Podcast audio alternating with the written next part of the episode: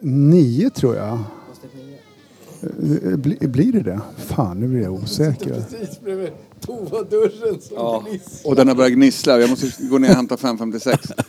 Jag kände det nu, för jag har inte tänkt på det. Nej. Ska vi kolla direkt vilket avsnitt det är? Ja.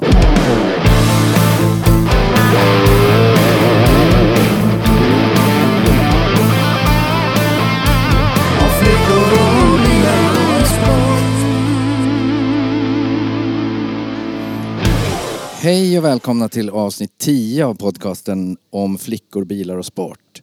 Vi sitter nu på uh, vårt favoritställe, Bröderna Olsson Garlic and Shots. Eller är det bara Garlic and Shots nu för tiden? Mer garlic and shots än bröderna Olsson. Okej, Garlic är go- godare än bröderna och shots är godare, godare än Olsson. faktiskt. Faktiskt Vi sant. sitter på uh, Garlic and Shots på Folkungagatan. Det är som vanligt jag, Allan Sundberg och min uh, gode vän och kollega Tony Johansson. Och han som uh, hördes prata nyss heter Thomas Emblad. Välkommen. Tusen tack och jag känner mig hedrad. Är det så att det är ett jubileumsavsnitt? Ska vi fira lite grann nu? Att det är Ja. avsnitt 10? Är det någon som har med sig konfetti? Nej. Nej, har du ballonger? Vi kan fixa ballonger men så länge så går jag och blinkar lite i lampan. Känns det okej? Ja. Men just det här med konfetti, du som har... eh, Hej! Hej, John. Titta John Löfven in. Ja. har- Vi får vänta till ditt avsnitt. En av mina kompanjoner här på and Shots. Apropå konfetti, är inte det sån här hat... Eh, effekt för eh, venue eh, innehavare eller Jo, städ, alltså när jag- städpersonalen på venues hatar väl konfetti? När jag har turnerat runt och, och gjort eh, pyroteknik då, då har jag ju försökt att pracka på så mycket konfetti som möjligt. För det är effektfullt och häftigt och jävligt fränt. Och, och fränt och ballt. Mm. Och eh, tufft är det.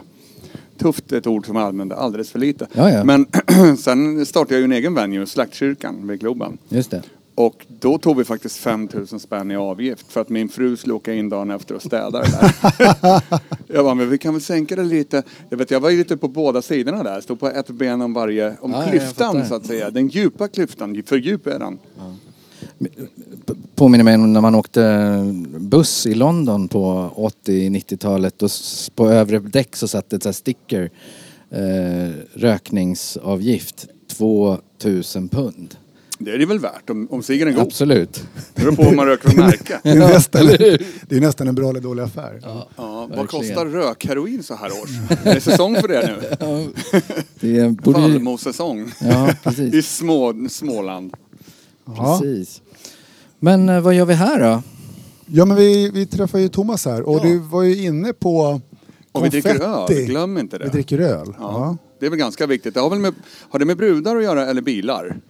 Alltså, Eh, Eller är det, jag ser är det, det som sport. lägger till i jag ser det titeln? som sport. Ja, det är Ja, mer idrott än, än fruntimmer. Thomas, eh, det är lite öde här just idag. Mm, det är Vad- coronaöde. Eller hur? Mm. Ni har precis eh, råkat ut för the major lockdown. Den här gången när Lövet gick ut och tugga så lyssnade folk för en gångs skull. Mm. Och eh, vi har ju haft en kanonsommar. Vi har haft fullt hela tiden. Just det. Och sen eh, den här lockdownen har faktiskt fungerat. Folk Mm. vill inte gå ut. Så då passar vi på att um, stänga och ljudisolera lite och göra lite bloggar och just nu sitter vi i det här lilla VIP-rummet med zebraskinn tänkte jag säga. Voodoo Lounge. I Voodoo Lounge och i, eh, och i baren just nu så spelas en annan videoblogg in. Just det. Med, det med, en av mina, med, med tre av mina kompanjoner. Vi är ju sex gubbar här, sex tjocka farbröder Just det. som eh, klev in här. Ni tog över den här restaurangen eh, Garlic and Shots precis i vid årsskiftet eller? När coronan slog. Första, första- första... mars var vår första dag här. Och ehm, den 15 mars, 14 mars var ju första lockdownen. Och då stängde vi och gjorde det vi ändå hade tänkt, det vi ändå hade behövt göra. Det var, då tyckte vi ju att det var rätt skönt. För att ehm, vi, ehm, ja förlåt att jag blir lite fåordig men det börjar lysas med lampor och grejer här.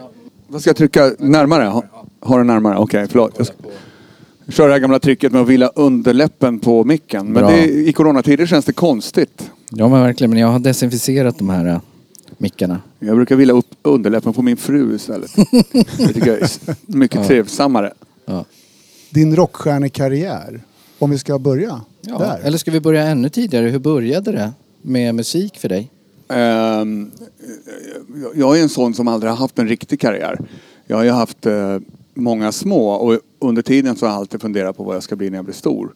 Och nu när man sitter och är 52 så känns det konstigt att och fortfarande ibland tänka så att Det gör jag varje dag. Gör det? Ja. Mm. Men liksom, jag kommer ihåg när, när vi hade Kopangan, då var jag på någon sån här... Eh, Nordea hade jag som bank och de hade lite då och då, en gång per kvartal typ, bjöd de in alla eh, VDR för lite större bolag på Södermalm. På en sån här eh, liten eh, lunch. Min- Mingel och... Ja, lunch och mingel. Då hade de alltid en föreläsare. Och en gång hade de Sveriges mesta, för, eh, mesta styrelseledamot. Han satt i alla stora bolag. Och hans, hela hans eh, föreläsning handlade om hur han kände sig ovärd. Och liksom att jag har ju inte lyckats med någonting. Men när jag kom in i någon jävla styrelse det bolaget råkar växa som inte jag hade med att göra. Och då ville något annat bolag ha mig i styrelsen. Och rätt som det är så sitter jag i styrelsen för Ericsson och ASEA och ABB och Nokia och och, han såg sig själv som någon jävla maskot. Ja, men han kände bara så här att en vacker dag kommer någon fatta att jag kommer med min portfölj men jag har ingenting att tillföra. Och Nej. egentligen är jag ingen. Och Någon, tjänar någon ska miljoner. avslöja bluffen. Men det Ja. är en jättevanlig liksom, känsla. Och, och, Och efter en timme av hans föreläsning så, så, så säger han så här, alla ni som känner ibland att någon kommer att syna bluffen, någon kommer en, dag, en vacker dag upptäcka att fan jag är fake eller att han är fake. Eh, räck upp en hand. Och alla som satt där gjorde faktiskt det. Jag gjorde det direkt. Idag hade jag gjort det med, med tveksamhet för att då var jag väl kanske 27 liksom. Idag är jag 52. Idag har jag liksom en helt annan självsäkerhet och självkänsla och, och en mer ostressad och, och skönare människa kan jag tycka själv. Ändå. Så idag har jag nog inte räckt upp handen. Men, eh, men då var det ju glasklart att räcka upp handen. Alltså jag skulle kunna beskriva dig eh, under de åren vi har känt varandra. Tjock och långhårig. Så, så, ja, precis. eh, och snäll. Ja, dumsnäll. Blå Nej men eh, som svensk rockmusiks Forrest Gump. För, för du beskriver dig själv eh, så... nej men... nej men du beskriver dig själv som att nej men jag är ingen och jag har inte gjort något. Och sen så fort man pratar om nej men det där, ja men de har jag lirat med och den har jag lirat med och det där var jag med och skrev och det där gjorde jag liksom. Och att du var med och lirade med Talk of the Town under Free Like an Eagle-tiden och sådär. Det är inte många som, Ja, som känner till. Nej. Och att du förmodligen har lirat med varenda liksom, musiker i, i Stockholm under dina Ja, men dina ändå år. så är jag ju mer känd som krögare än, så, än som musiker. För där har jag ju lyckats bättre på något sätt. Det är lite lustigt när mitt hus brann ner 2009. Eh, var jag i Thailand och så, så efter någon vecka så kunde jag läsa tidningen från den dagen.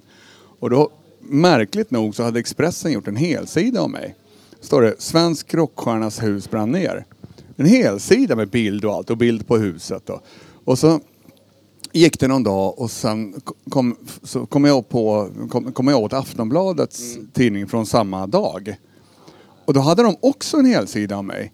Fast med Sven, eh, Stjärnkrögares hus brann ner. Så de- de hade samma bilder, samma hus, fast det var två olika människor de beskrev. Och den ena hade en helsida för att jag var rockstjärna och den andra hade en helsida för att jag var...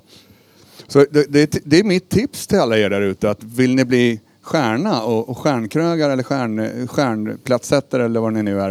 eh, Elda upp era hus. då, då blir man stjärna. Då får, Seriöst, vad, vad, vilket, vilket klappar hjärtat varmast om då? Stjärnkrögare eller Men jag har ju gjort rockstjärna? båda hyfsat parallellt hela tiden.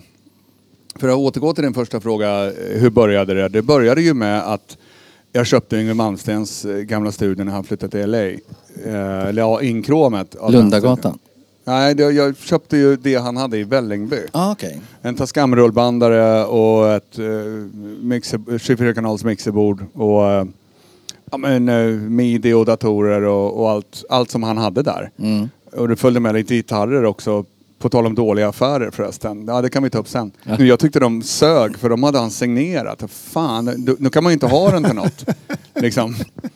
Vad fan ska jag nu liksom? Jag får lacka om den då ju. Eh, Jag, bodde i Jakobsberg då på Söderhöjden och på en halvtrappa upp och en halvtrappa ner så var det tomma lokaler. Och då tjatade jag som fan på, bos- på Hyresgästföreningen där att jag skulle få hyra en av de här lokalerna. Ja men sätter du upp en dörr så får väl du hyra den. Så jag köpte en dörr begagnad och, och, och monterade och sen byggde jag en studio där inne. Jag hade 300 kronor i månaden i hyra och Oj kunde kasta ner kabel för, för ström och telefon och fax hade jag ju ett tag där också när jag ville vara viktig. För riktiga företag hade fax på den Mm. Ja, tiden. precis. Ja, men, eh, Faxa STIM och sånt där. Ja, man faxade ju allt på den tiden. Och, eh, och så hade mina föräldrar flyttat till Spanien och de hade eh, ett, ett, stort företag där nere som riktade sig till svenskar. De byggde hus och byggde ut och byggde till och byggde. Så de bad mig att göra en jingel, för det fanns inte i Spanien jinglar. En jingel som skulle attrahera svenskar. Så, så jag tog den här eh, trafikljudet som var då. Dam, bam, bam, den, den, den hajade alla svenskar till på. Mm. Och så spelade jag in en jingel. Och så skickade jag ner, eller jag snackade med radiostation då och de, de hade, in, hade liksom ingen riktig koll på hur de skulle spela upp jingeln. Men de hade en kvartstumsbandare. Så jag var tvungen att låna en sån, eller om jag köpte, jag kommer inte ihåg hur jag gjorde. På den tiden så slängde ju folk såna. Så att, men jag lyckades eh, få ner det här på kvartstumstejp, lägga i en blykartong för det skulle ju flygas ner. Och så, och, och så spelas de här, jag gjorde tre stycken till dem som spelades upp i radio. Och då var det ju så här Yeah, that was Tina Turner. Now, uh, if you ever press through uh, Fuengirola, try Tony's Burgers. They're the best burgers in Fuengirola. Now, here's Bruce Springsteen. Du vet, det var DJen som, som, som Just gjorde det. dem. Det fanns inte jinglar. Så att det här blev ju så lite smått revolutionerande. Morsan blev ju nerringd där nere av folk som ville köpa jinglar. Så jag började göra radioreklam för spanska marknaden. Och det passade jävligt bra, för han som var då min midi-tekniker, det var den enda anställde jag hade. Eller, Mm. Han var väl med som kompanjon kan man väl säga.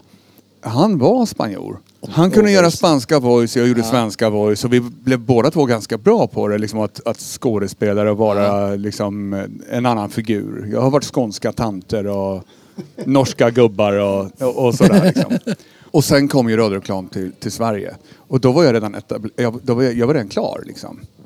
Och alla radiostationer låg i ett kluster i, runt korsningen Kungsgatan-Sveavägen. Eh, 14 stycken startade på ett bräde samma dag och alla trodde då att man skulle använda media brokers som tv gör. Eh, här har vi massa airtime, sälj dem åt oss. Så Just har det. de provision liksom.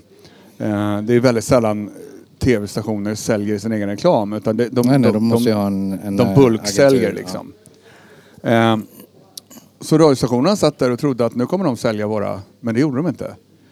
Så det vart ju panik. Vet du. De var ju tvungna att hitta någon jävel som skulle sälja deras airtime. Det gick ju käpprätt det där. De hade ju liksom haft grandiosa premiärer och anställt asmycket folk. Flashiga kontor, skitläckert. Vem är läckrast? Vi är läckrast. Radio Vinyl, kolla på våran lobby. Så att då blev det ju att det lilla de lyckades sälja, det fick jag göra. För jag flyttade in dit då. Det här är ju alltså typ 91. Då är det ju finanskris, tomma lokaler precis överallt. Och jag flyttade in på Kungsgatan 56. Då var det en hyresgäst i hela kåken. Grandios, vacker kåk. Så jag lyckades hyra en lokal där för 2 9 i månaden. Som var rätt stor alltså. Pentry och dusch och toalett och kök. Och, ja, men det, var, jag var, det var gångavstånd till varenda station. Utom Bandit Radio, för de låg i uh, Hammarby Sjöstad. Just det. De var lite outsiders. Så jag började göra radioreklam. På den här tiden kunde man ju, då, då gjorde man ju dem i samarbete med reklambyråer. När man gjorde någonting för, för OK så var det OKs reklambyrå som bestämde vad man skulle göra. Så man satte ju konferenser med dem då liksom. Jag var ju tvungen att liksom låtsas att jag var någon. Så jag gick en liten kvällskurs här, typ tre, fyra kvällar för att kunna kalla mig copywriter, vilket jag givetvis inte var. Men jag hade gått kursen, jag kunde skriva det på visitkortet. Och jag fick sitta med på mötena. Så jag fick de här giggen liksom. Då kunde man ta 25 000 för, för en jingel. Och vi kunde göra fyra, fem stycken om dagen. Så det här var ju, det här var ju lysande. Vem fan kunde ana det? Det här, det här växte, det var ju ALU-tider. Man hjälpte polarna, om man hade ett bolag så fick polaren vara anställd. Så fick han lön i sex månader och jag fick använda han till, till vad jag ville. Till exempel bygga studio eller, eller vad det var. Och jag hade tagit in en tjej på ALU för att göra ekonomin och, och, och plötsligt så, så tog jag in vad är det, sex, sju polare, mest tjejer var det faktiskt, som, som ville in i media liksom. Som fick gå runt och, eh, som fick gå runt och sälja radioreklam. Så jag köpte radioreklam med 90% rabatt och sålde den då i min tur med kanske 30-20% rabatt. Plus tog 25 000 för gängen. Så när jag hade liksom fått in ett köksföretag som köpte airtime så var det jättepengar. Det här var ju lysande. Så det var ju så här eh, rätt negativt när min brorsa kom med planen som vi hade kommit överens om när vi var unga att vi ska ju starta restaurang ihop. Har du glömt det? Ja, visst jävlar. Det har vi ju sagt. Men det går ju inte nu för nu har jag, nu har jag det här liksom. Ja men nu ska vi göra det här. För nu, nu har vi jobbat för, för att nå det målet i, i fyra, fem år. Nu, nu är det dags. Nu är det tomma lokaler i hela stan. Nu kan vi göra det. Ja, och, och då blev det att han tvingade med mig i Kopangan. Och, vilket var en plan vi hade haft när vi, när vi var tonåringar och bodde nere i Marbella i Spanien. Jag hade ju två tekniker som, eh, som skötte inspelningarna utan mig. När jag flyttade mitt fokus så, så slutade jobben trilla in och, och, och det vart liksom inte mycket av det. Eh, Kopangan krävde så extremt mycket där i början. Ehm, så att jag la för mycket fokus där och, och då började det här rinna ut i sanden. Men det, vid det laget när, jag, eh, när vi hade byggt färdigt Kopangan där och då var det dags att, att, att, gå vidare kände jag på något sätt. Eller jag kände väl aldrig det. Jag har egentligen aldrig gjort slut med någon av mina verksamheter på det sättet. Utan de har ju liksom lämnat mig i, i, i- form av att eh, då hade ju Cheiron smält upp något jävligt. De hade Britney Spears och Westlife och Backstreet Boys och så vidare som, som, som skulle ner i deras lilla källare på Kungsholmen. Just det. Och då, då satt det ju ett gäng människor i små, små skrubbar. Och det var inte riktigt rätt miljö att, att ta in världsartister liksom, för att producera en platta. Så de hade, var lite smådesperata och, och behövde hitta studios. Eh, som låg centralt och bra liksom. Och, och framförallt såg bra ut. Och var det någonting min studio gjorde så var det att se bra ut. För mina polare var ju skitduktiga snickare liksom. ALU-killarna där. Så att eh, de kom upp och köpte min studio. Och, eh, och tog det av mig, vilket var, jag var jävligt glad för då. Liksom. Men eh, sen var jag in på, om ni kommer ihåg Keyboard City som låg på. Ja, just det. Ja. Var jag in där, jag skulle, jag skulle hämta någonting, vad fan det nu var. Och då ser jag ett hörn av, av, av butiken. Där ligger all utrustning som jag hade köpt in. Att jag, jag behövde ju allt men hade inte riktigt råd. Så det var mycket bearingar och Ah. liksom, så här, BBE och lite sneak liksom. Ja. Bara det var snygga lampor i den så tyckte jag det var... Det är därför jag gillar din bandare, det är mycket lysdioder på den. Eller hur? Eh, och... eh, Du gillar julen va? Ja, jag älskar julen. Jag älskar faktiskt... Kolla upp här uppe. Titta. Där uppe har du lite. Lampor i taket. Ja. Men Thomas, eh, var du bra i matte? sängen? I, ja, men det vet jag att du är. Det vet Ja. Men var du bra i matte i, i skolan och sådär? Eller hur, vad kommer det, det här business... Eh, Nej, jag var inte bra på någonting i skolan. nej, men Jag just var det här helt hemsk. business-tänket att bara nu ska vi...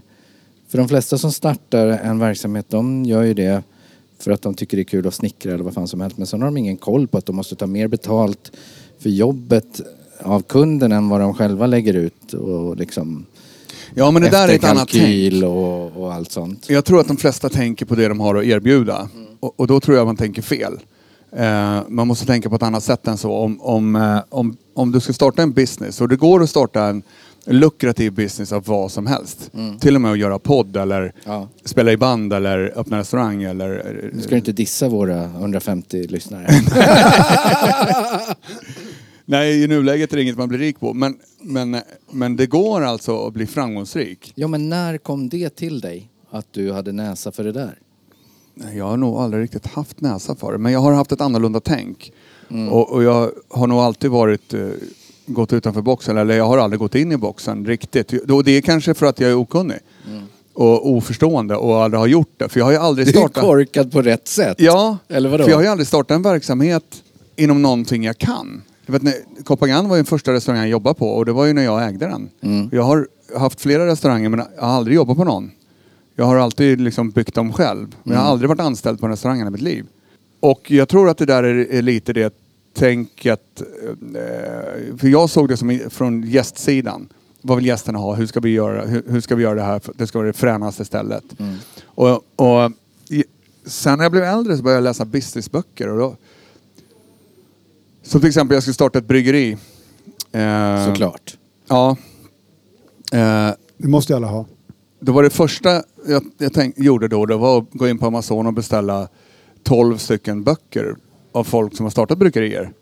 För de måste kolla, de som har lyckats, vad har de lyckats med? Varför funkar det? Och de som misslyckas, för de flesta som startar business misslyckas ju. Ja. Och varför misslyckades de? Och eh, en av de böckerna som jag läste där då, tycker jag beskrev mitt tankesätt så jävla väl. Det var boken om eh, Brewdog. Eh, Ölbryggeriet Brew, Brewdog. Det var ju, startades av två 21-22-åringar. En som kunde brygga öl och en som var duktig på marketing. Och han som var duktig på marketing var den som hade skrivit boken. Så boken hade, handlade egentligen inte alls om det jag hade köpt den för. Hur, hur lyckas man med ett bryggeri och, och god öl och öl och allting som har med öl att göra. Det, boken handlade bara om, om Sälj. ja, hur de hade blivit stora. Han är ju idag en marketingguru. Han har ingen, ingen sån utbildning. Han har ju aldrig pluggat något sånt. Men han har aldrig satt sin fot på bryggeriet. Eh, De kallar sig fortfarande Craft Brew. Men de är större än Carlsberg och, Mm. och större än eh, Pripps eh, bryggeriet i Bromma liksom. Tre miljoner liter per batch liksom. Det, det, det är ett gigantiskt bryggeri. Utan han åker omkring och turnerar och tar 200 000 per kväll för att stå i aulor och prata om hur de lyckades. Och jag tycker det är asintressant. De, de tänkte inte alls på produkten. Utan de sålde en cause. Och det är, det är lite samma i musikbranschen. Du, har, du, du, måste, du, du kan inte sälja musiken. Utan du måste sälja grejen eller galjonsfiguren eller en cause. Liksom, eller en, en kamp upp på barrikaderna. Få med dig folk på det sättet. Bilden av... Ja, alltså att det skapar dig, inte konsumenter, utan fans. Och det går ju exakt samma sak inom business, som de har gjort. De har ju inte ölkonsumenter, de har ju fans liksom. Men det är samma med Apple och... Liksom. Apple är likadant. När han försvann, Steve, Steve Jobs, som var deras galjonsfigur, den här überärliga aspergaren, då dök de ju. Och de fick böna och be att han skulle komma tillbaka. Och när han gjorde det, så blev de ju världens största företag. Och, Men det är för att de har lojala fans och inte kunder. exakt. Som, som vid- något tillfälle, de, de, det är okej att Microsoft har släppt en bättre produkt. För, för det kommer alltid vara så. Ibland är de bättre, ibland är vi bättre. Ja. Men det är som att hålla på ett fotbollslag liksom. Ja. Lite. Säg till mig som hå- håller på Bayern som aldrig har vunnit en match.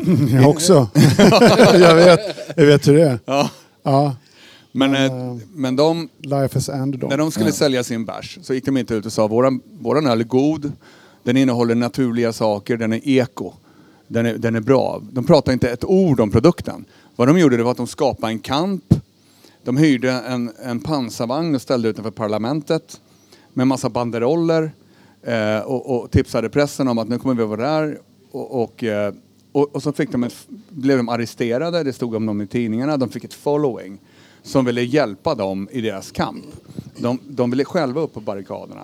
Och det, där har du inte bara fans, du har ju fotsoldater. Ja, ja, ja. Ja, det är ju genialt. Sen har de ju hela tiden kommit med nya grejer. De, de släpper en ny öl, då släpper de den i en uppstopp, uppstoppad iller. Burken finns i en iller. Och de här, de här jävla burkarna var det ju aldrig någon som lyckades öppna för den var ju inbäddad Ah. i en iller. Men de här illrarna är ju värda miljoner idag. Ja, jag fattar. Eh, och så där har de ju hållit på hela tiden. De, Men det här med tanks framför parlamentet. Jag minns när Cooper skulle försöka slå i Storbritannien 73 eller vad det var. Då hade de hyrt en lastbil och satt såna här jättestora billboards på flaket. Ja. Där han var så här naken med sin orm, typ. Och sen råkade den få eh, motorstopp mitt på Trafalgar Square i rusning. så, det, så gjorde han liksom för att breaka stort i England. Det där är genialt. Och, och det är den där typen av guerrilla marketing, att, att tro på sin grej mer än sin produkt. För att om, om han skulle försöka sälja sin musik, som Max Martin har sålt sin musik, liksom. han har ju sålt kvalitetsmusik. Ja, ja, liksom. han, let the music do the talking. Men Men, han är ju inte riktiga facet. revolutionerande artister som Sex Pistols eller Guns N' Roses och så vidare, det är inte låtarna. Utan det är de eller grejen de representerar. Det har du hela, he- alltså hela, Nirvana. punk, hela punkeran är ju Ja. så. He, och he, hela liksom även Eh, grunge-rörelsen, är, det, det är ju det. Där har du ju fans. Det, det är när, musiken kommer i andra hand och ska vara ärliga. Punkbanden var ju inte världens bästa musiker. Liksom. Nej, nej, och folkmusik, jag menar, folkmusik handlar ju bara om politik. Där, där fick du inte folk som lyssnar på dig för att din melodi var finare än någon annans melodi, utan för att det du sa eh, klingade med deras eh, agenda. Liksom. Och du lyckas skapa en agenda som de kanske inte har tänkt på. Då blir du ju ledare för den här agendan. Eh, Ja men du skapar en vi mot världen. Exakt. att folk som gillade Håkan Hellström när han slog igenom och så dissade hela resten av omvärlden, dissade honom för att han sjöng falskt, han sjöng falskt. Och så har han lyckats bibehålla den här underdog-känslan. Trots att han säljer ut Ullevi tre liksom, dagar på rad. Så Precis känns som det ändå Brewdog. som att det är, det är våran Håkan liksom. Ja. Eller det är vårat Kent som alla andra hatar. Det är bara jag. Att man behåller den här känslan att det är bara jag som har Apple. Alla Ja. andra trackar mig för det. Men så är det ändå världens största produkt. Men då Och slåss man som, för det. Ja, och det är det som är nyckeln. Att behålla underdog-känslan Mm. och erövra världen på det sättet. Och det har ju, där har ju Bruce Springsteen som på något märkligt sätt fortfarande lyckats ha kvar den här working class hero-stämpeln liksom i, Ja. hemma i staten. Det är helt otroligt märkligt. Han är typ världens största artist men det... Han har, inte Han tagit, som- han har inte tagit ett spadtag i hela sitt liv. Han har inte haft ett riktigt jobb ever. Nej. Nej. Och han går omkring och Och ser ut som en arbetare. Liksom. Så här, Knegarhjälm hänger i bältet. Men Thomas, jag ställde ju frågan hur började det och försökte leda in dig på musiken. Och sen har jag även ställt frågan vilket klappar ditt hjärta varmast för. Men när man hör hur du pratar så är det ändå liksom entreprenörskapet, företagandet som, som ligger närmast till hands för dig att berätta den storyn. Inte om, om vem som spelade fortast av dig och Yngwie Malmsteen på Second Hand Music eller... Jag var ju inne i den här spela fortast-svängen. Ja. Jag började ju som gitarrist och eh, skulle ju spela fortast. Och jag höll ju på att tävla mot Eddie Van Halen och, och mot en tjomme som var snabbare än mig i Järfälla där. Eh, men honom lyckades jag slå till slut. Eh, men så kom ju Yngwie Malmsteen. Alltså quizkampen med gitarr liksom. Ja, och sen, sen hade jag oturen att träffa Pontus Norgren väldigt tidigt. Ja. I tonåren där. Och under en kort period blev han sångare i mitt band där jag var sologitarrist. Och han var ju liksom hästlängder framför mig. Och det var ju så här. Fuck this shit. det är liksom, när han höll på att visa mig, men testa det här i den här låten. Bara, nej. Och fortfarande än i denna dag, alltså 45 år senare, eller 40, så kan jag fastna på, på, på någon av de här grejerna som han har glömt för länge sedan. Men som jag då försökte nöta in och, och misslyckades med. Jag är ju hyfsat fingerfärdig men de här sweepsen lyckades jag aldrig riktigt med. Framförallt inte den första, den han lärde mig då. Nej, Sen blev det ju, under en, eh, under en period blev det Talk of the Town som basist. just det. Och vi spelade in en skiva där och Men du spelar på albumet? Ja, fast det är ju så här, jag spelar ju inför och jag var med i hela skivinspelningen och första singlarna och första videon och det. Men det var ingen av oss som egentligen spelade, alltså jag spelade ingen bas för det var Atari som gjorde det. Basen var redan lagd Ah, okej. av teknikern. Det var så jävla poppigt då. Det här var ju samma veva som Def Leppard hade släppt sin syntplatta. Och det var det som gällde liksom. Så Mm. riktig bas var ute liksom.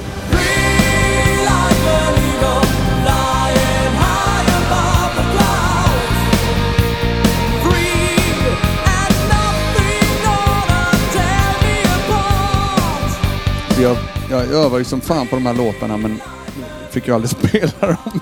Ja, annat än i replokalen då. Ja.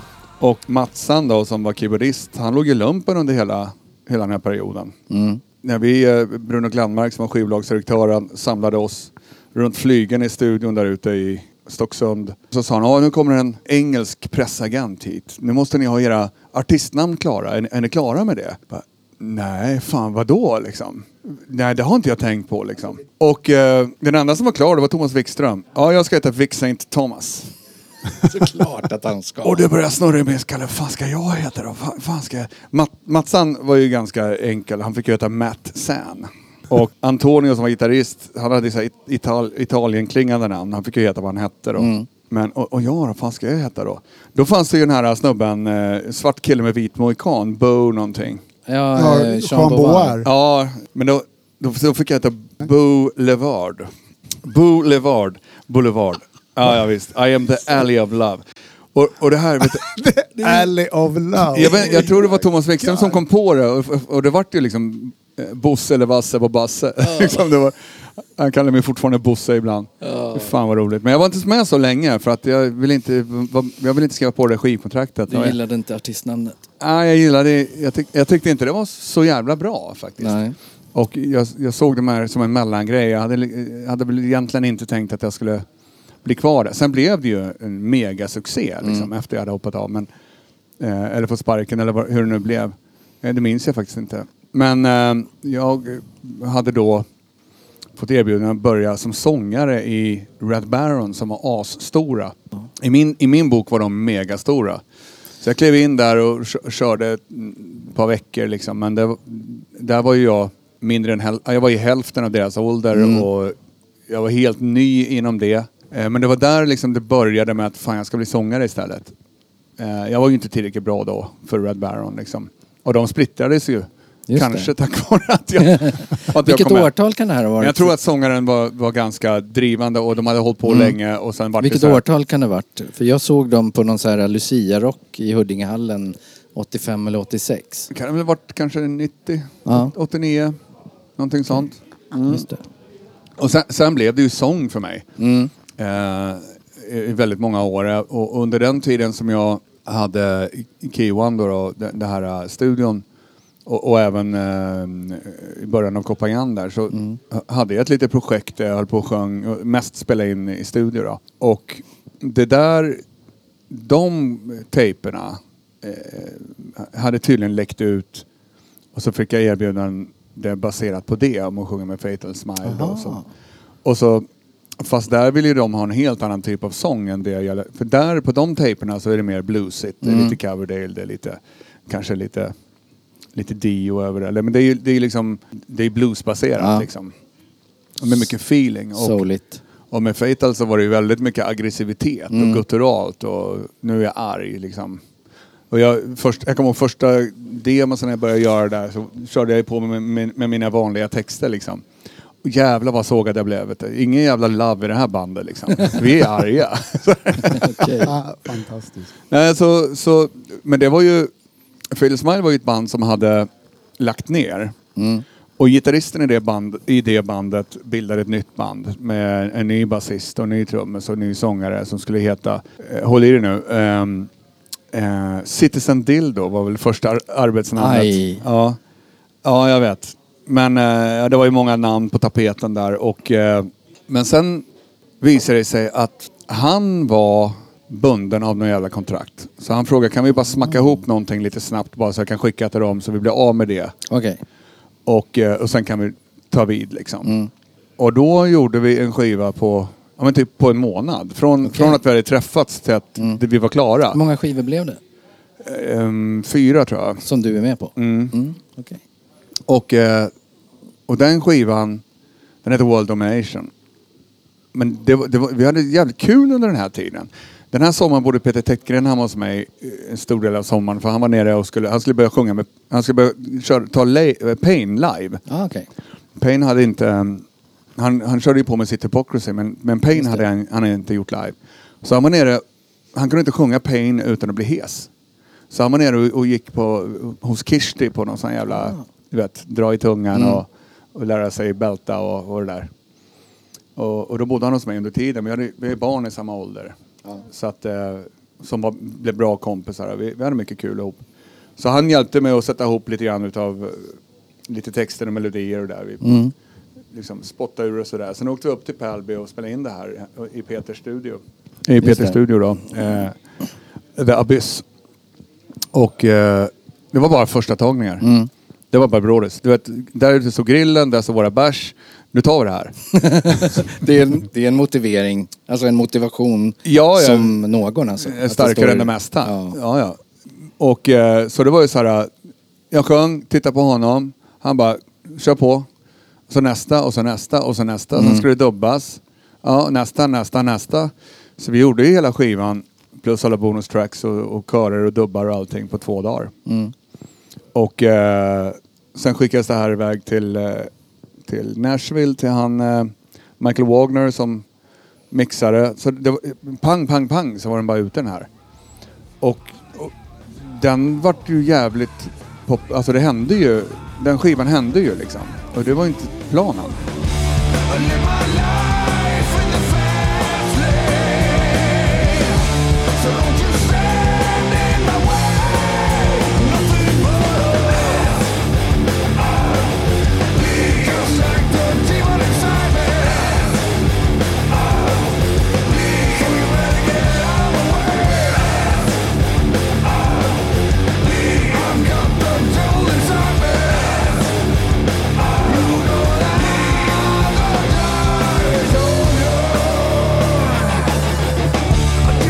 Men vart var du då i ditt restaurangande när, när Fatal smällde?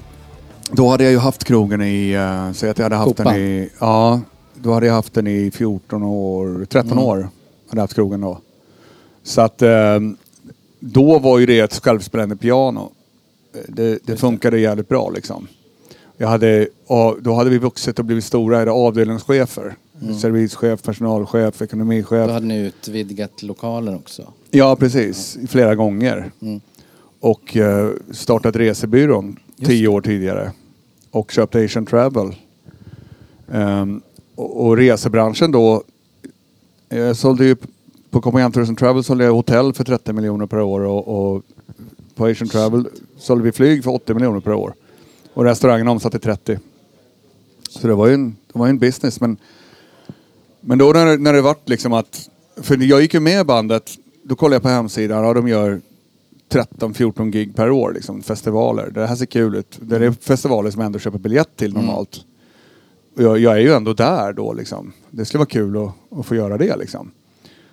Men jag hade ju inte signat på för att liksom, resa jorden runt. Det hade jag ju inte gjort. Men när, när då frågan kom om vi vill åka med W.A.S.P. i USA i sex veckor.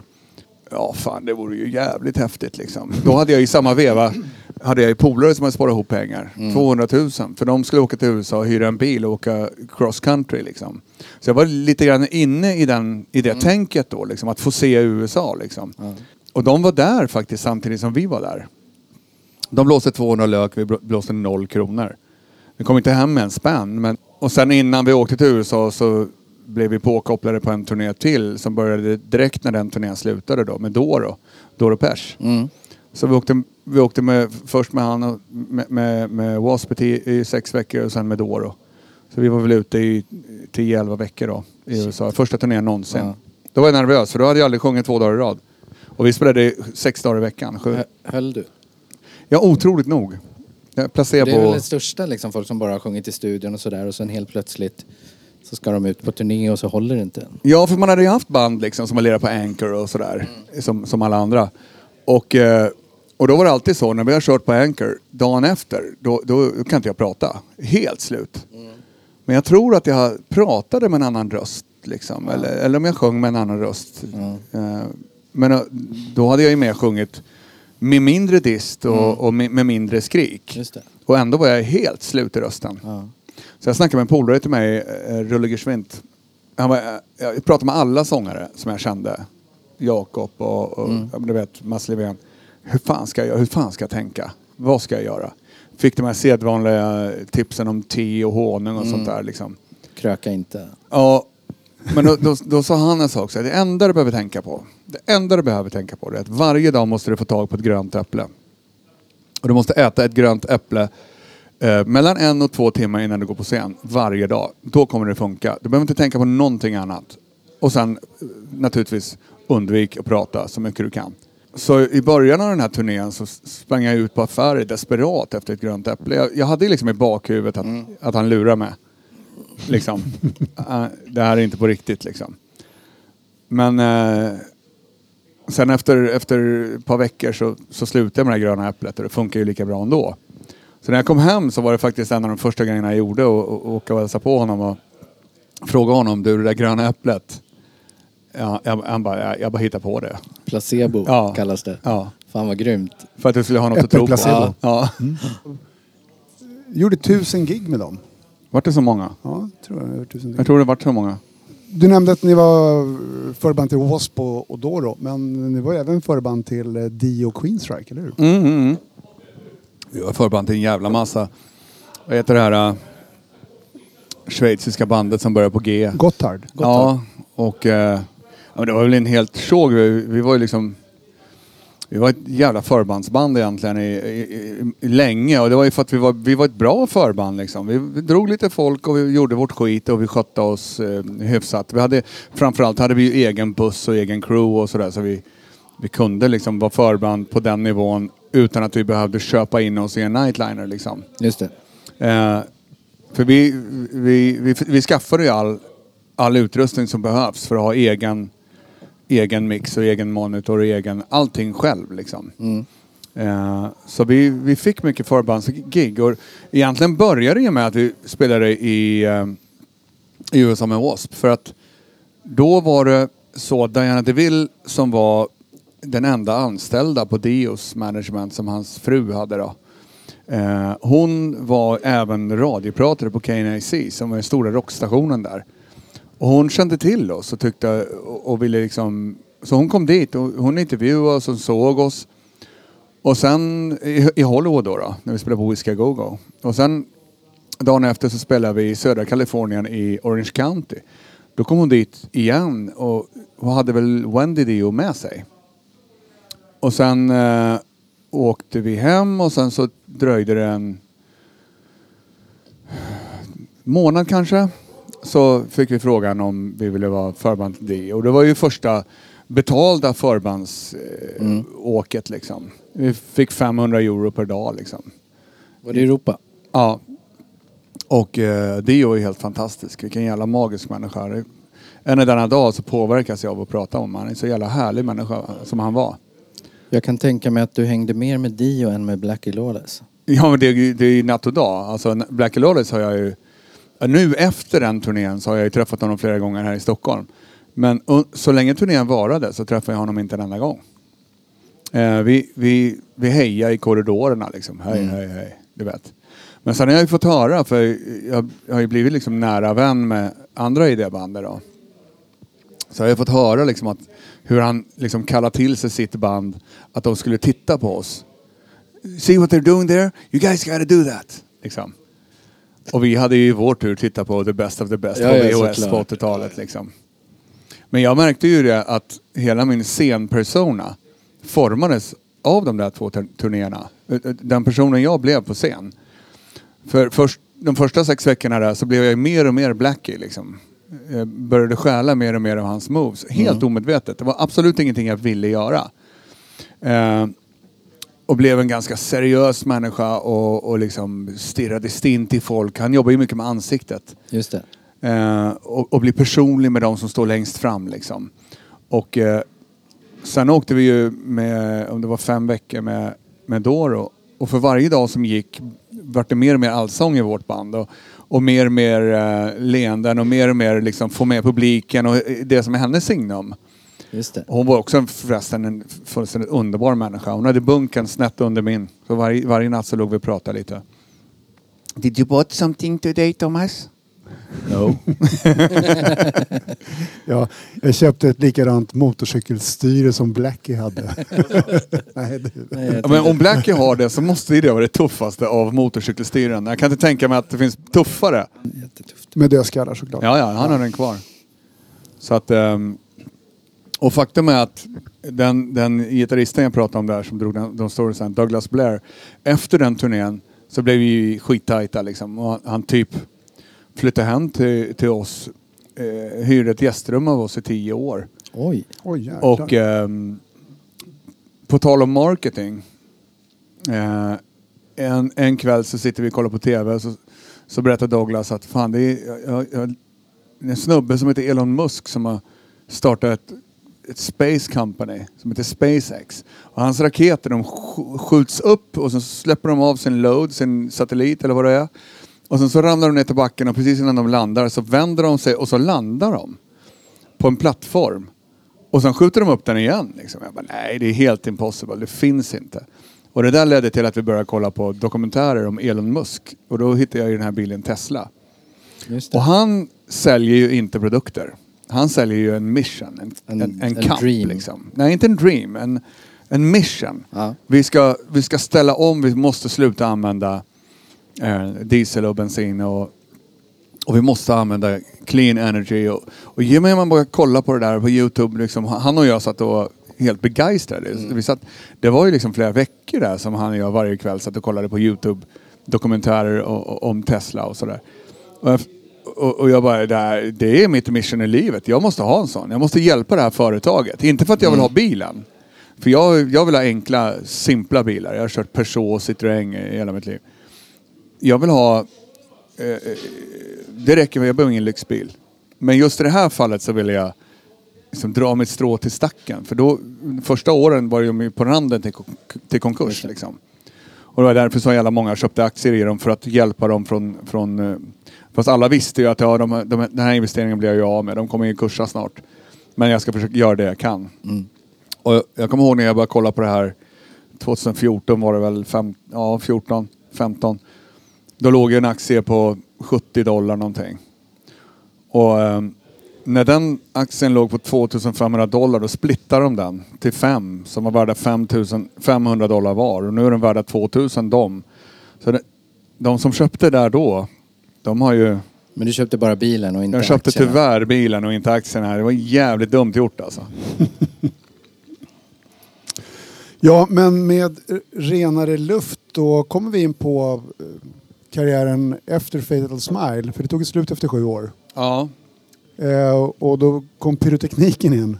Ja precis, då gjorde jag mitt absolut yttersta för att förpesta all luft med krut. Nej, och det var ju egentligen inte så här aktivt val heller. Det här är ju också återigen ett bananskal.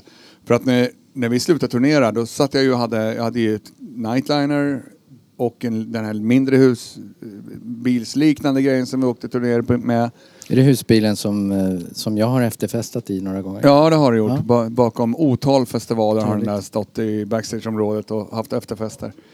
Och, ehm, ehm, och så hade jag ju en jävla massa utrustning som vi hade med Fatal Smile som var tydligen eftertraktad. Det hade inte jag tänkt på så länge vi höll på liksom. För vi var ju jämt busy. Men så fort vi hade slutat så, så var det ju andra som fan, era eldar ni har och kan du inte komma, vi ska ha gig liksom. Ja, det kan jag göra liksom. Då hade jag ju inte jobbat så mycket med det själv. Vi hade ju med oss en kille som skötte det där. Men jag hade ju köpt in det och jag hade lärt mig hur det funkar och jag visste hur allting lirade och så. Men eh, första giggen jag gjorde, då fick jag ju liksom ringa honom och nu funkar inte det, hur gör jag nu liksom? För det var ju DMX-styrt och det är en konsol för konfetti och gejsrar och rökmaskiner och sånt där och en annan konsol för krutpyro då.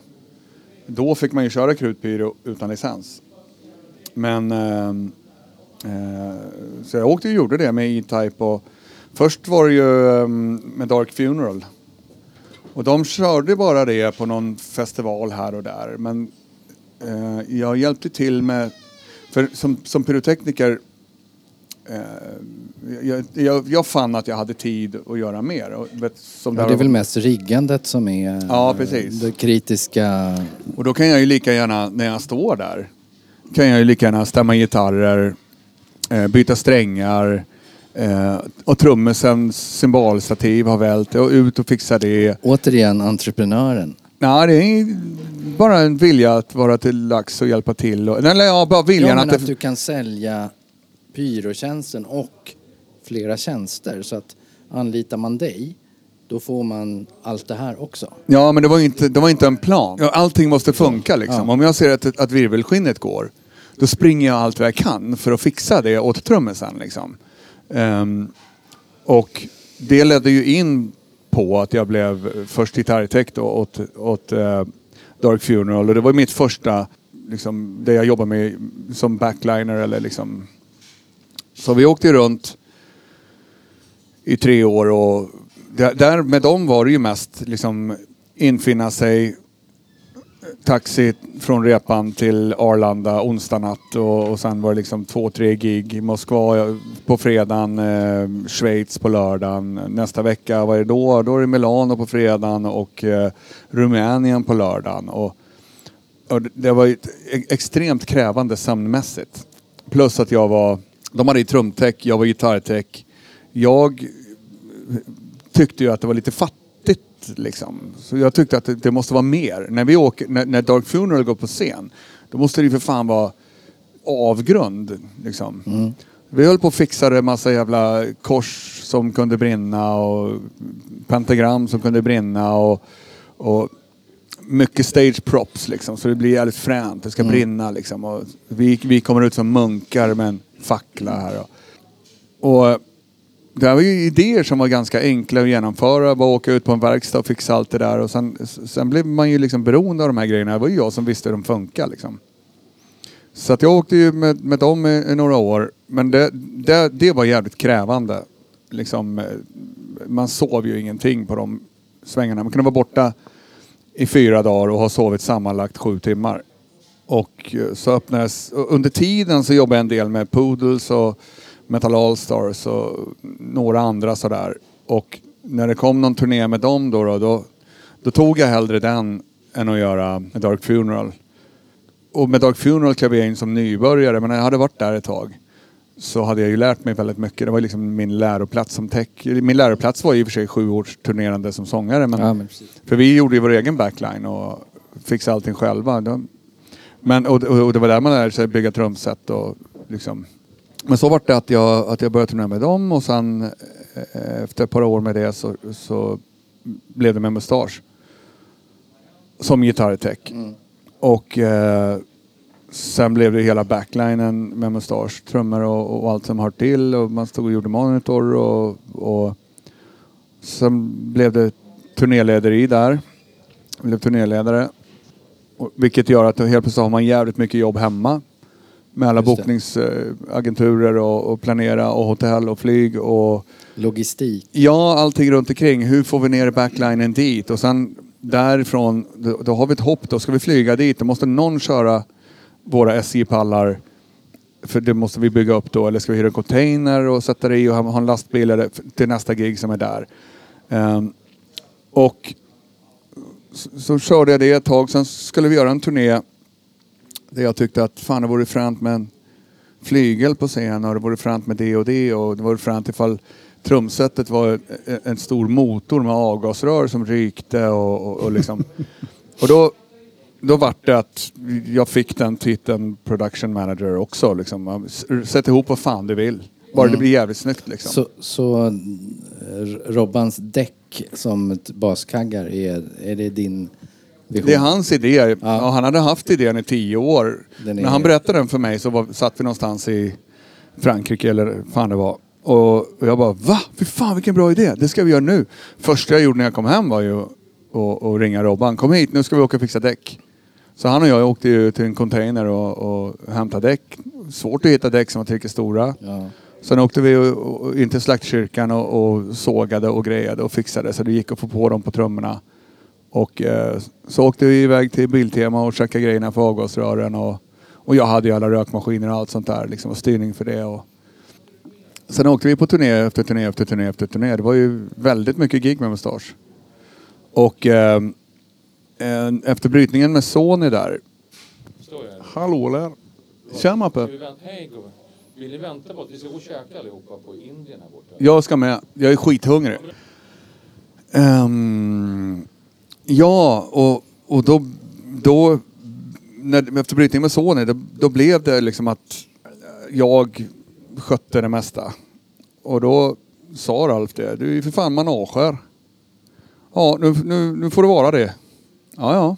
Så då blev du manager till Mustasch? Ja, och vi spelade in skivor och vi, vi gjorde turnéer och vi gjorde PR-kampanjer och vi gjorde en jävla massa. Det första jag gjorde där det var ju f- bygga om hela vår merch, merch-systemet. Just det.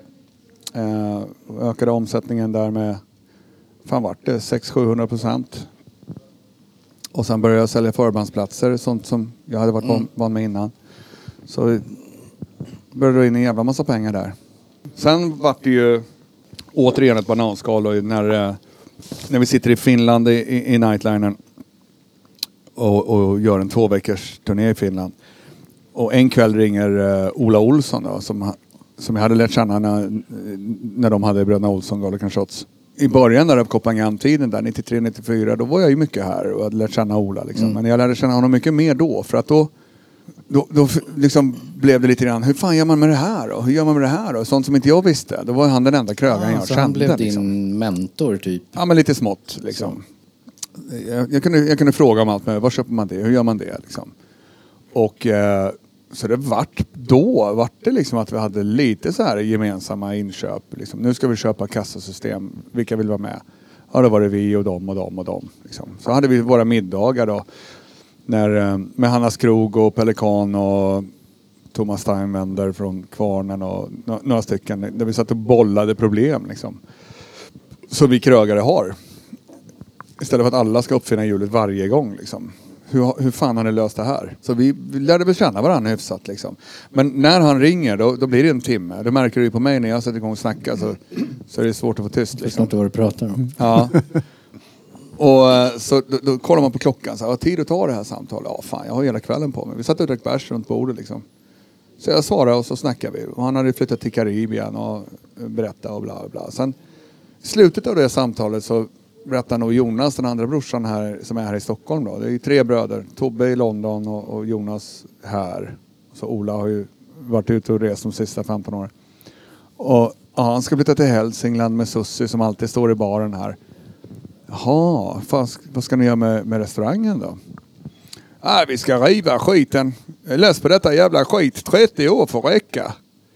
Och eh, så la vi på och så berättade jag det för grabbarna. Satt runt bordet liksom. Fan, de ska riva Bröderna Olsson. De har sålt det. Det ska bli något annat där nu. Aldrig i livet! Ralf stod näven i bordet så bärsen flög. Liksom. Det får inte hända. Och jag sa det, det, det, det är bara att glömma liksom. Den restaurangen är för liten för att det ska bli pengar och det är liksom det här, okej.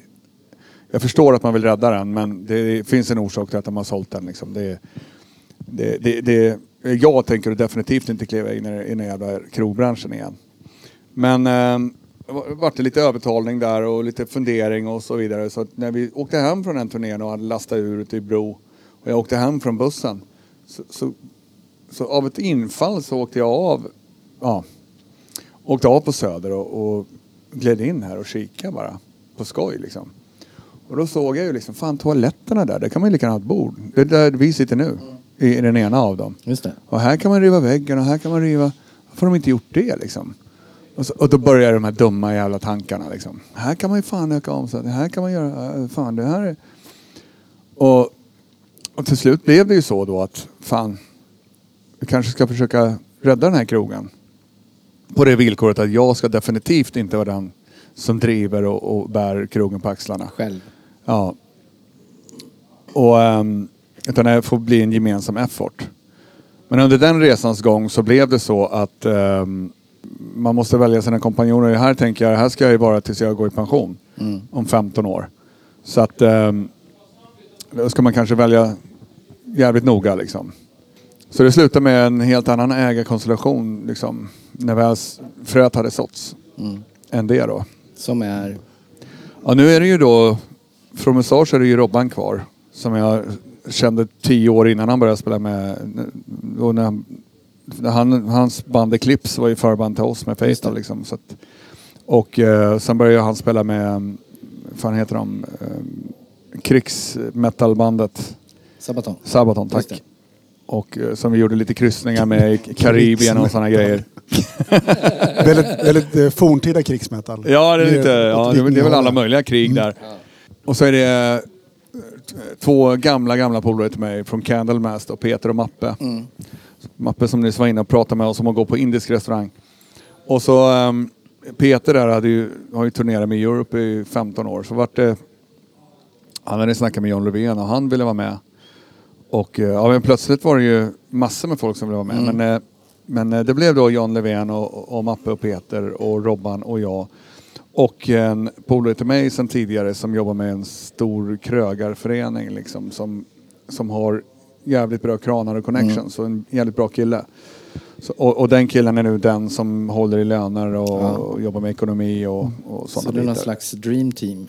Ja men det Som tror jag. Alltså, det känns ju jävligt bra. Och framförallt så känner jag ju inte att vikten ligger på mina axlar. Utan jag, det känns som att vikten är, är fördelad liksom, över allas axlar. Du vet, när, någon, när, ett, när ett problem sker så är inte problemet bara mitt. Det är allas. Så, och det tycker jag är så jävla kul. Och just att vi har... Just att ha någon att fira framgångar med liksom, fan vad grymt det här har blivit, fan vad kul liksom. När man är ensam är inte det så jävla kul. Du har sagt också att tanken med, med det här haket är att det skulle bli ert andra hem. Ja, Det skulle bli som ett andra hem. Och det har det ju faktiskt blivit för väldigt många ja precis. Vi är ju här hela tiden. Sköna menar, övervintrade rockers. Ja, men jag måste ju säga, jag har ju hängt där en hel del sen, sen ni tog över och, och jag trivs ju verkligen. Men jag märker ju även när det kommer in folk från gatan och kunder som kanske inte känner er så är det en otroligt välkomnande stämning. Ja, det är det. Stämning. och, och det är egentligen Så- det som är grejen. Det är ju musiker som äger det och det är i stort sett bara musiker och crewfolk som jobbar här. Både i kök och och servicen så är det ju turnerande människor som vi, som vi känner från musikbranschen. Så just nu under coronatiden så är det inte så svårt att få tag i personal. Nej, men, det, i, det, I det segmentet. det är ju det här med att hitta bra folk. Där, där hade vi ju liksom tidigt i det här jobbade jag lite grann med Crash Diet och jobbade med lite av deras videos och, och, och sådär. Och då snackade jag om det här projektet med, vi satt och drack bärs liksom. Fan, det där vill jag vara med på, säger deras eh, trummis.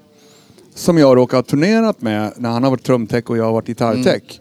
Eh, och jag vet att han är Så jävligt du vet rekord- vad han går för. Ja, han är en rekorderligt bra kille och, och han har ju aldrig serverat förut men gör han det i två timmar, sen är han bäst på det. Ja, ja. Och jag vet att det är en skön jävla härlig människa. Och det är ju samma med, ehm, med ehm, Linnea. till exempel Linnea. Eh, som jag känner som sångerska i Therion och vi har ju sjungit ihop i något så All-star-projekt och sådär. Och du har haft band ihop med hennes pappa. Ja, det visste jag inte då riktigt. Men ehm, och hon bara, fan jag kommer och jobbar. Ja men fan vad bra liksom. För jag vet vilken typ av människa det är. Och att just yrket kan man lära sig, men typen av människa. Det, det är ingenting man lär sig liksom. Du kan inte ta en servitris som har jobbat på Café Opera och få henne att bli Bröder Olsson-hjärtlig. Nej. Däremot så man får ta sådana som är hjärtliga och härliga och sköna människor. Och sen att de bara bär en tallrik eller två åt gången, det, det lever vi med. Det är inget problem. Det, det viktiga är ju liksom att stämningen här är helt jävla underbar. Det smittar av sig på alla gäster, gästerna smittar varann. Och, och alla som är i rummet känner det. Och så säger de så här, det sitter i väggarna.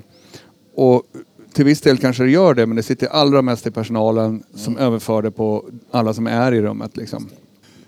Eh, om vi går tillbaka till eh, musiken och pyron. Mm. Eh, vilka kör bäst pyro? Är det Rammstein? Liksom? Det, är mycket, det är mest eld sådär va? Men det, Det, det är ingen som, som kan mäta sig med, med Rammstein. Och det kommer aldrig att vara någonsin någon som mäter sig med Rammstein. Rammstein. Trots att det kommer nya grejer hela tiden. Ny, nya maskiner och sånt där. Det har inte kommit något nytt liksom, på senaste 30 åren. Och sen plötsligt nu på senare tid har det dykt upp jättemycket nya coola grejer. ja. Ehm, men just Rammstein, de har byggt alla sina grejer själva. Och du vet, det är ju så jävla noga när jag ska ner och göra Sweden Rock eller Gävle Metal eller Wacken eller någonting. Då måste mina prylar, jag måste skicka in CE-märkningarna, jag måste skicka in all dokumentation om de här grejerna innan. Och, och, och är det minsta lilla frågetecken så får jag inte använda dem. För säkerhetsgrejer. Rammstein, de har aldrig haft någon av sina grejer CE-märkta. De har byggt dem själva i, i, i verkstäder och svetsat och haft sig. Och de har stora jävla gamla mjölktankar, står under scenen, med napalm i.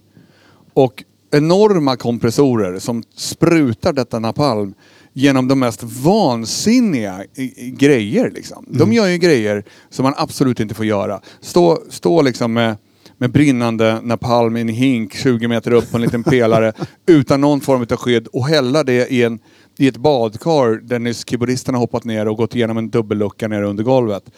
Det är ju vansinne. Och det, det skulle aldrig få okej om det dök upp idag, det de gör. Så jag, tror, jag tror att de kommer vara ensamma her- herrar på täppan tills, och, och det kommer aldrig mer komma någon som dem. Det är lite som Yngve. Nu finns det tv-spel så det kommer aldrig mer dyka upp någon som Yngve. Det kommer aldrig komma, komma någon som spöar honom. Nej, men där har också, det känns som att det är några fler än, än en ensam Thomas Emblad som springer runt och fixar deras grejer. Rammsteins. Ja men herregud, de har ju många, hur många människor som helst. Men hur mycket drar de in på ett gig då? Du vet när vi, när vi är i, i, i, München och gör ett litet gig där vi har 50 000 i gage. Då kan vi inte ha så jävla mycket eh, gubbar liksom, som, som springer. Och det var jävligt kul med att jobba med mustasch för där är ju gagerna betydligt högre. Så att där, där kunde man ju ta ut svängarna lite grann och göra lite roliga grejer. Men eh, annars är man ju van med att trolla med knäna och göra allting superbilligt och göra allting själv och, och sådär liksom. Ja. Apropå Rammstein så har jag hört att på, på Landers, när han fick eh, erbjudandet om att börja med, med eh, Rammstein Mm. så hade han som eh, villkor att hans polare som numera kallar sig för Flake i. i Rammstein, att han fick komma med för de eh, spelade i punkband tillsammans i gamla Östtyskland. Så Flake kom med som keyboardist inom citationstecken men det han gjorde var att han skötte pyron ifrån keyboardplats. Just det. Så att i början så var det han som skötte pyro. Den där idén hade vi med, med Fatal Smile. Vi hade en jävligt skön kille med som vår enda crew. Han var chaufför från början, sen blev det chaufför och merch. Sen blev det chaufför, chaufför merch och pyro. Och eh, han blev ju våran turnéledare och, och, och liksom skötte det mesta. Liksom. I slutet så körde han även Front of House. Han var ju vår femte bandmedlem. Men han, eh, han började ju för att vi åkte förband till Lordi i tio veckor i Europa. När de var som störst och spelade på arenor liksom, och hockeyhallar. Och de hade med sig en pyrokille. Och, och han, han var finne och våran kille var finne och de fann varandra och de, liksom, han lärde sig jävligt mycket av honom. Så han kom hem och gick utbildningen och, och då sa vi, men då köper vi prylar. En gång när vi var i Rom. Då, då hade vi parkerat bussen precis bakom Venjon. Och när vi kliver ut ur vad vi tyckte var ett fantastiskt su- succégig, vilket jävla drag, fan vad kul det var, det var ännu bättre än Milano igår. Ehm, så möts vi av en gigantisk kö som ska in på Venjon när vi ska ut. Och vi är ju klara kanske vid ett. Så vid ett då fylls stället med någon jävla, och det var någon konstig transmusik. Som, där trummor och, och, git- och, och syntar och allting var distat och stenhårt. Skitstort band. De var där med tio nightliners. Eh, och vi hade varit förband där och så kollade vi på dem och så bara Tänk, tänk att göra den här musiken som vi hade i Rom. Med deras approach. Och där man ser ut som totala vildar. Och vi bara fokuserar 100% på showen. Och Ola kan stå bakom ett gäng låtsas keyboards och bara stå och skjuta pyro liksom. Och Var det så den eh, looken ni hade på sista albumet? Nej, den, den looken kom Föddes. faktiskt lite tidigare. Okej. Den, den looken kom från Frankrike. När vi, står, var, vi hade en sån här grej att vi märkte att vi säljer ingen merch om inte vi går ut och signar. Mm. Så efter varje gig gick vi alltid ut och signade i, i merchbåset. Mm. Och merchbåset blev större och större och till slut blev det en stor butik. Därav att Mustasch eh, merch idag ser ut som en stor butik. man kan köpa en eh, halv liter mjölk och en mustasch-t-shirt. Ja, precis. Och en, och en limpa. Skogaholmslimpa. Ja, precis. Men då står vi där och, och, och det är en lång, lång kö. Och folk ska liksom ha vår autograf och ta ett kort liksom. Och då säger, står jag bredvid basisten och så säger jag att fan, alltså vi, de har ingen aning om vilka vi är. För, för, för oss är de, för dem är vi bara några jävla freaks. De ska bara hit och ta en bild med freaken. Och sen, och sen de skiter egentligen högaktningsfullt i, i, i vilka vi är liksom. Um, och då hade vi fått ganska mycket så här bad press för att och de skyllde alltid på, för både basisten och trummisen och, och, och gitarristen var ganska snygga snubbar. Och såg jävligt fräna ut. Och vissa tyckte inte om det liksom. Tyckte att, Ah, okej. ja fan, ska de Pretty ha, boy. Ka- kanske om de hade brytt sig om att repa lite grann istället för att brytt sig om hur de ser ut och vara så snygga liksom. Så kanske det hade låtit bli lite bättre liksom. Och då, då kom jag in på det där, fan egentligen så borde vi bara ta det. Den här freak-prylen. Liksom hela vägen. Då kommer vi och, och bara se ut som idioter. Liksom. Vi hade åkt med Lord då också. Liksom. De, ingen vet vilka de är. Och, ehm, och, och grejen. Vi hade varit ute med Europe då. Och du vet varje gång ja, Europe är i, stan, de håller sig på hotellet. Men vi går ju ut och käkar. Folk var helt galna i oss. Bara slet i oss. Trodde vi var Europe. Första gången trodde, tänkte vi, fan har vi fått så mycket fans här? I Portugal. Men det var ju, de trodde vi var dem. Och bara, fan, det är ju ännu värre liksom. Men då kom, kom vi på den idén att vi, vi ska bara se ut som idioter. På, vi, så vi gör en låt, en video, där vi bara ser ut som, som, som dårar. Och så har vi den låten som alibi för att hela, hela den skivan ska vara det. Så, så vi kan ta den looken på turné. Då kan ingen jävel säga att vi spelar på våran, vårt utseende liksom. Nej. För i början hade vi lite Mötley-aktig Skid Row, eh, den här vanliga looken Mm. liksom. Första, första åren av turnerande liksom. Men då vart man lite less på den grejen. Så då bara, vi ska se ut som det värsta vi kan. Så vi skrev den låten, Welcome to the Freak Show, just för att kunna göra en sån video.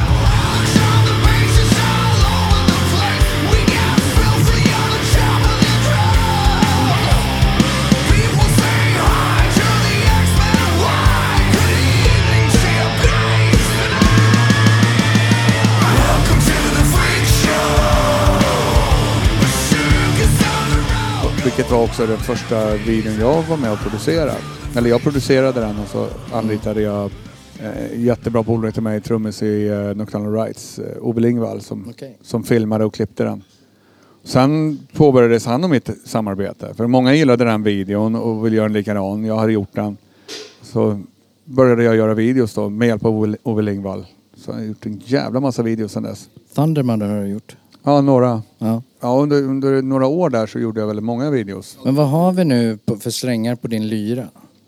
Vi har eh, jingelmakare och reklamfilms eh, musiksäljare. Vi har... Ja, du har haft tryckeri och resebyrå. Ja, tryckeri har jag fortfarande. Det har du fortfarande? Ja. Har du Och det gjort var ju- backdrops och t-shirts och merch? Ja, jag trycker, trycker åt de flesta banden här i Stockholm tror jag. Och, och det är ju... ehm, det kom sig ju av att när vi höll på och åkte med Fatal så stod jag där varenda kväll och såg vad som sålde och inte sålde. Vi provade nya designs. Och eh, eh så började jag ju göra det själv liksom, och började lära mig hur fan man gör sådana här designs. Så jag har väl liksom lite öga för det. De enda bra betygen jag hade i skolan det var ju liksom teckning eller konst och, och, och musik. Uh, och, och svenska och engelska. Språk har jag lätt för. Men eh, så jag började göra det och sen märkte jag liksom vad som sålde, och vad som inte sålde. Jag vart jävligt engagerad i det. Och sen började man få upp ögonen för hur, hur andra grejer ser ut. Den här styckstishan du har på dig nu. Skulle jag köpa den om den hängde på en klädaffär? Eller skulle jag köpa den som hänger bredvid som står något annat på? Och inser liksom att fan, vi kan göra mer grejer och bättre grejer. Och så gjorde vi det och vi sålde ju, när vi åkte runt och, och spelade, vi sålde ju mer merch än vad W.A.S.P. gjorde. När vi åkte med dem. Vi sålde mer merch än vad Queensrÿche gjorde när vi åkte med dem. Och, och det här var ju ett betyg liksom. Så Ni att, hade, eh, hade snyggare grejer. ja, och, och, och vara engagerade i det liksom. Istället för att bara trycka upp skivomslaget och tro att folk ska vilja gå med det på sig liksom. Så gör vi ett, av- jag diggar Affliction, vi trycker upp lite vingar och lite prylar så smackar vi på våran logo. Då köper gre- folk grejerna för att det är snyggt, inte för att de vill ha våran merch. Men är det inte också så att amerikaner och europeer köper merch på ett helt annat sätt? Så att när ett amerikanskt band kommer hit så är det tryck som kanske inte europeer Ja, det är väldigt intresserade olika, av ja. överhuvudtaget. I, I USA köper de ju merch med, med bilder på bandet. Och De har ju väldigt mycket, de säljer kort och det är väldigt en stor del av deras merch är ju foton på sig själva. Och just eh, persongrejen är större än, än liksom... I, Europa säljer man ju inte en, en t-shirt med bild på bandet liksom. Eh, och vi säljer ju inte foton här och, och affischer som de gör där.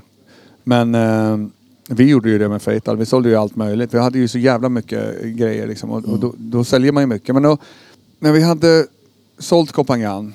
Det, det återigen såldes ju för att folk sökte upp det och ville köpa. Och jag sa nej så höjde de priset. Så sa jag nej. Och det var när jag var i USA faktiskt på turné.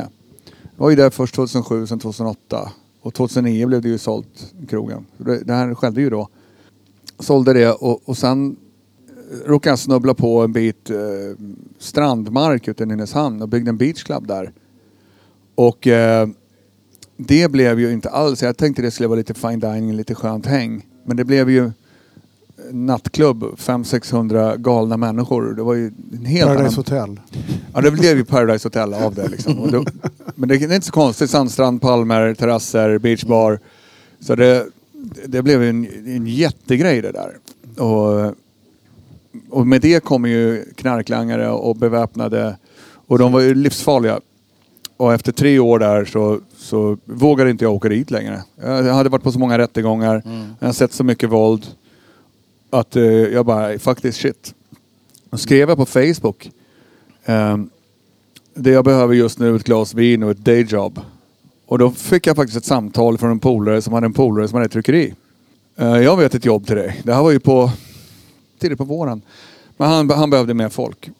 Stort tryckeri i Västberga. Och, ehm, så han ringde då och sa, fan, kan du Coral Draw och, och Visma så har jag jobb till dig. Jag sa, ja men det kan jag, men, men huvudsaken för mig nu, för jag är, liksom, jag är i ett läge där jag inte är liksom helt hundra. Så att bara jag kan fokusera och inte behöva vara företagsledare nu. Jag vill inte ha koll på logistik eller vem som trycker vad eller hur det går till. Jag behöver en avdelning och bara fokusera på en sak. Jag vill inte ha bird's eye view liksom. Då, då tar jag det jättegärna det jobbet. Och jag kunde ju varken Visma eller Colorado så jag satt ju och pluggade då två kvällar på Youtube och lärde mig ju det. Så åkte jag dit på måndagen. Jag var på fredagen. Jag åkte dit på måndagen och jobbade. Så jobbade jag med tryckeri med honom i ett år. Sen, eh, eh, sen skulle han lägga ner och sålde vi maskinerna till Swag. Och vi fick över en hel del av vår personal till Swag och jag flyttade också till Swag. Satt Okej. där ett år. Eh, sen var det för dyrt att trycka. Jag tyckte jag skämdes när mina polare Mm. ville ha hjälp att trycka när jag hade flyttat till Swag. Jag ville liksom kunna ge bra pris liksom. Men, och då, det är ju så i tryckeribranschen att där, där har man samarbeten. En trycker screen, en annan trycker tampo, en tredje trycker transfer och så vidare. Så att alla tryckerier har allt. Fast de gör egentligen bara en. Det är någon granne som gör det andra. Det. Eller, ja. och när man har lärt sig hela, hur hela den här grejen funkar. Att vissa är billigare på fler färger, vissa är billigare på en färg. Vissa är, är jävligt eh, dyra på 100 plagg men sjukt billiga på 1000 plagg. Mm. Och när man lär sig liksom hur, hur, Navigera i... ja, vilk, vilken som ska göra vad i vilket läge.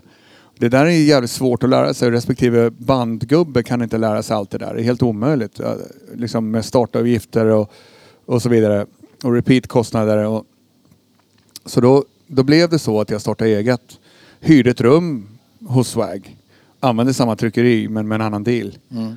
Och började trycka åt skivbolag. Så jag hade lager och, och postorder och eh, tryckte upp. Eh, då, då kunde jag köpa in 10 000 t-shirts till eh, till exempel de här Red One och nej vad fan heter de? Red Line? Red ja, hiphop, skivbolag. Okej. Och, och sätta deras logo i, i nacken liksom. Istället för att det står uh, Gildan så stod det deras Mm. skivbolag liksom.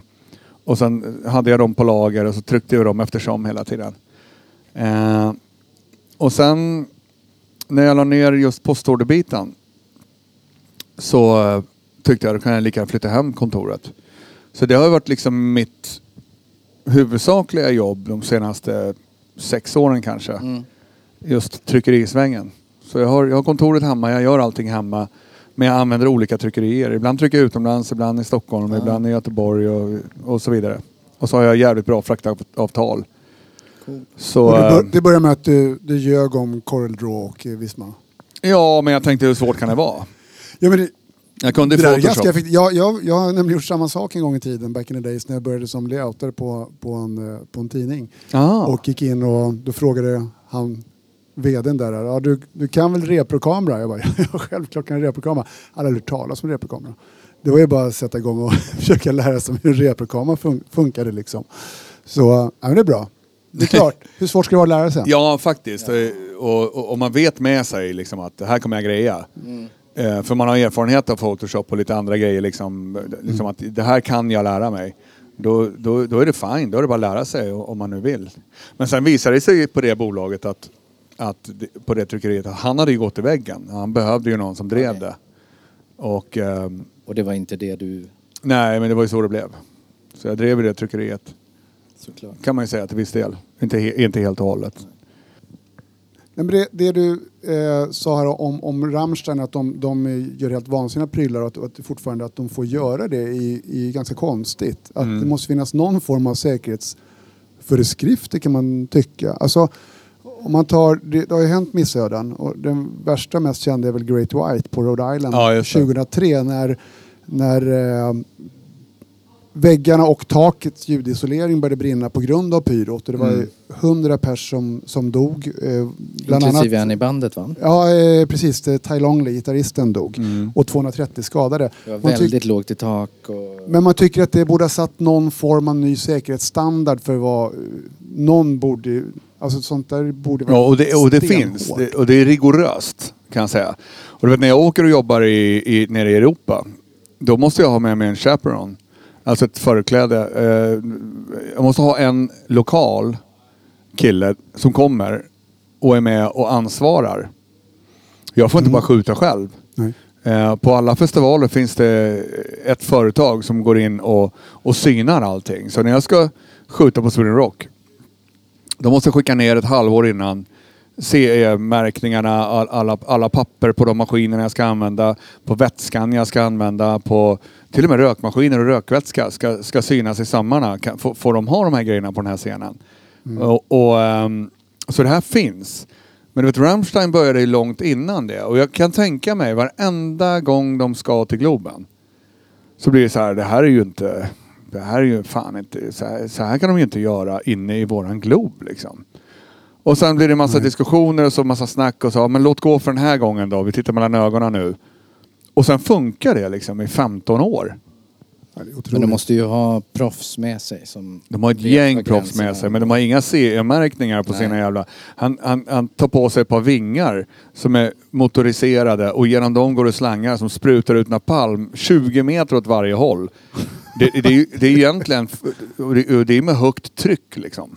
De åkte ju, i början åkte ju de förband till eh, Clawfinger. Ja. Och de brände ju sönder scenen i stort sett innan varje gig. Ja, Innan de skulle kliva på. ja jag vet. Det, Där har du en, klassi en, en klassisk konsert man skulle vilja varit på. Det var när Anvil var förband till Queen. Hur de, någon kom på den idén att sätta An, An, och Anvil sprängde hål i eh, scengolvet. Så att eh, så typ Freddie Mercury kom ut och säger så här Sorry vi har ingen scen att spela på men tack för ikväll. Och fick ställa in giget. Det har inte jag hört. Ja, klart. Men ja, det Ja, känns som en dålig kombo Anvil Queen. Ja. Ska vi gå in på det återkommande inslaget Bra eller dålig affär? Ja. Vi, vi kör gingen. Bra eller dålig affär? Kan någon säga snälla bra eller dålig affär? Eller var det en fälla?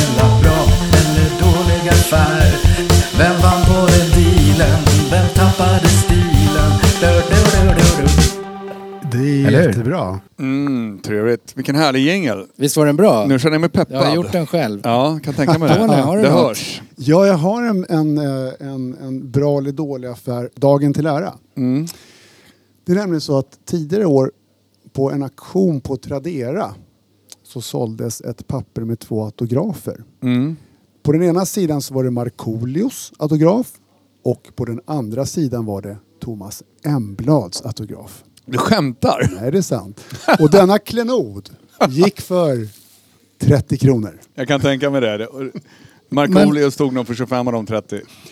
Gjorde han som köpte de här två autograferna för 30 spänn, gjorde han en bra eller dålig affär? Jag gjorde en dålig affär.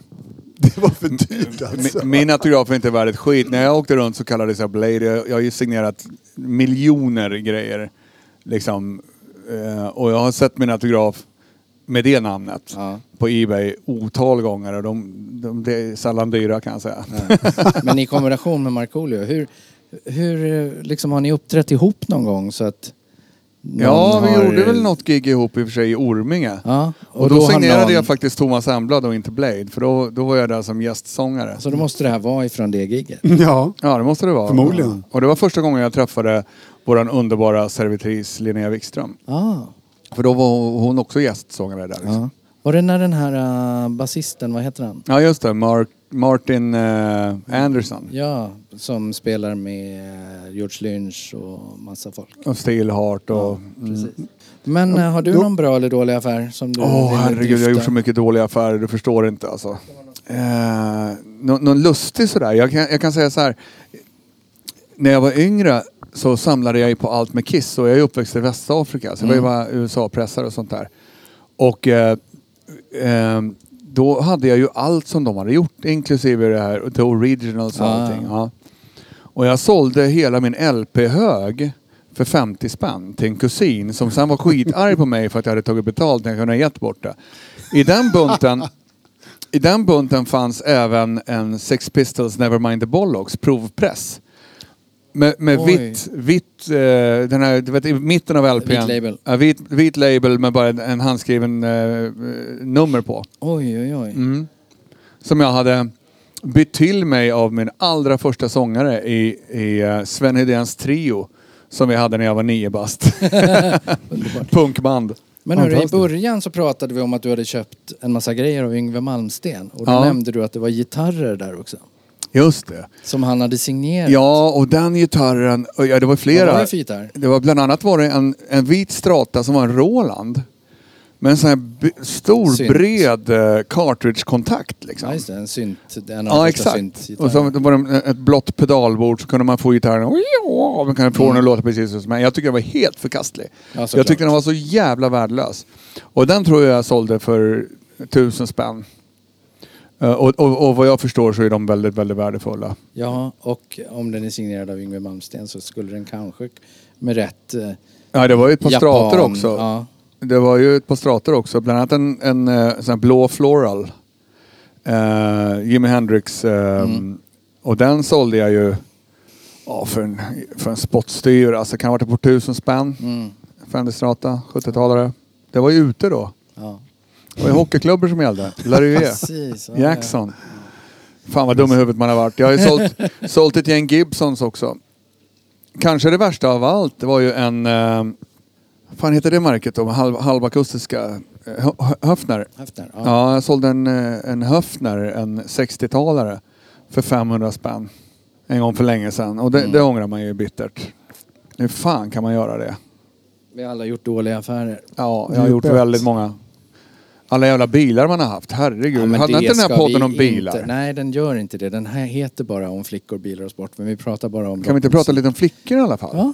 Ja. Vi kan prata om Doro om- Pesch. Nej, vi kan prata om Maria som är bakom varje framgångsrik man finns en kvinna som går bakom och gör allt jobbet. Ja, precis. Hon och jag, vi är ju med i ett team. Vi träffades ju eh, innan allt egentligen. Vi träffades ju 91. Och då hade man inte gjort någonting. Jag hade ju min studio i Jakobsberg då. Och var en fattig stackare. På den tiden jobbade jag, eh, det var jag och grabbarna i Atomic Swing.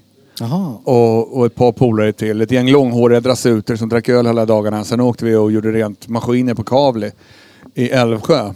När jag, när jag träffade henne så höll hon, hon, höll hon på och sålde sängar på Regeringsgatan. Okej. Och eh, då tyckte hon att fan, du kan väl köra ut sängar istället.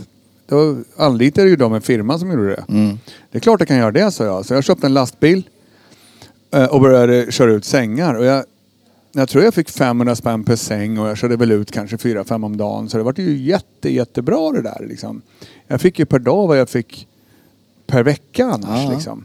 Och, eh, men det var lite dråpligt. Och du slapp stå och högtrycksspruta mjukost. Ja, herregud. Med lut. Ja. Jag fick lut en gång på foten. Fy fan. Den brände rakt genom skon och byggde en krater i foten så jag kunde knappt gå på en månad. Aj. Lut är starka grejer alltså. Och det gör de rent de där maskinerna med. Den fabriken finns inte kvar för övrigt. Nej. Men vi åkte ner och köpte en lastbil i Linköping. Och eh, vi var tvungna att vara två för han skulle köra hem bilen och den andra köra hem lastbilen. En jättefin eh, jävla Renault liksom. Lastbil. Den såg snygg ut. Men den skar ju bara några... skar ju några mil liksom. Jag säger att han kommer fem, sex mil. Jag ställde den där jäveln på en mack och så åkte jag tillbaks, tog tillbaks pengarna. Vilket jag inte fick men jag hotade inte livet. Med lite vilja så, så är vi fortfarande kvar i segmentet bra eller dålig affär. Ja, Alltså, faktiskt. Ja. Och då, då var det ju panik för att då, redan dagen efter skulle jag ju köra ut sängar.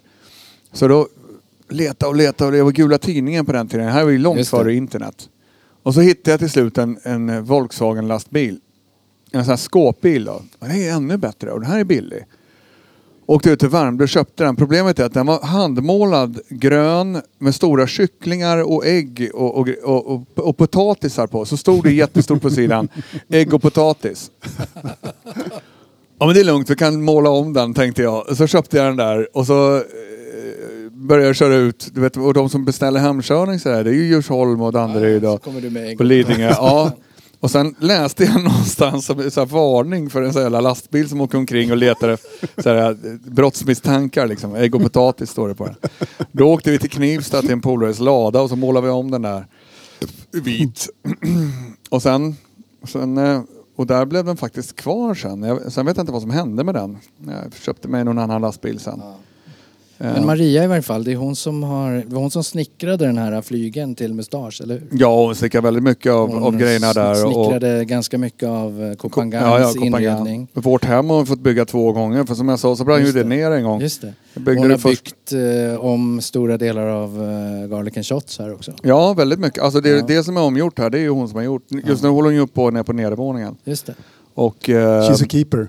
Ja, verkligen Ja, en keeper. Och Vilken det, kvinna. det var som ett beslut vi gjorde dag ett liksom. Att nu, nu är det vi, då får vi anpassa oss efter det. Ja. Nu ska vi, vi, vi bestämde oss för att vi ska dö ihop. Ja. Och hon eh, har snickarbyxorna. Ja, du och just har- att det började sådär på Du en gång. förklädet.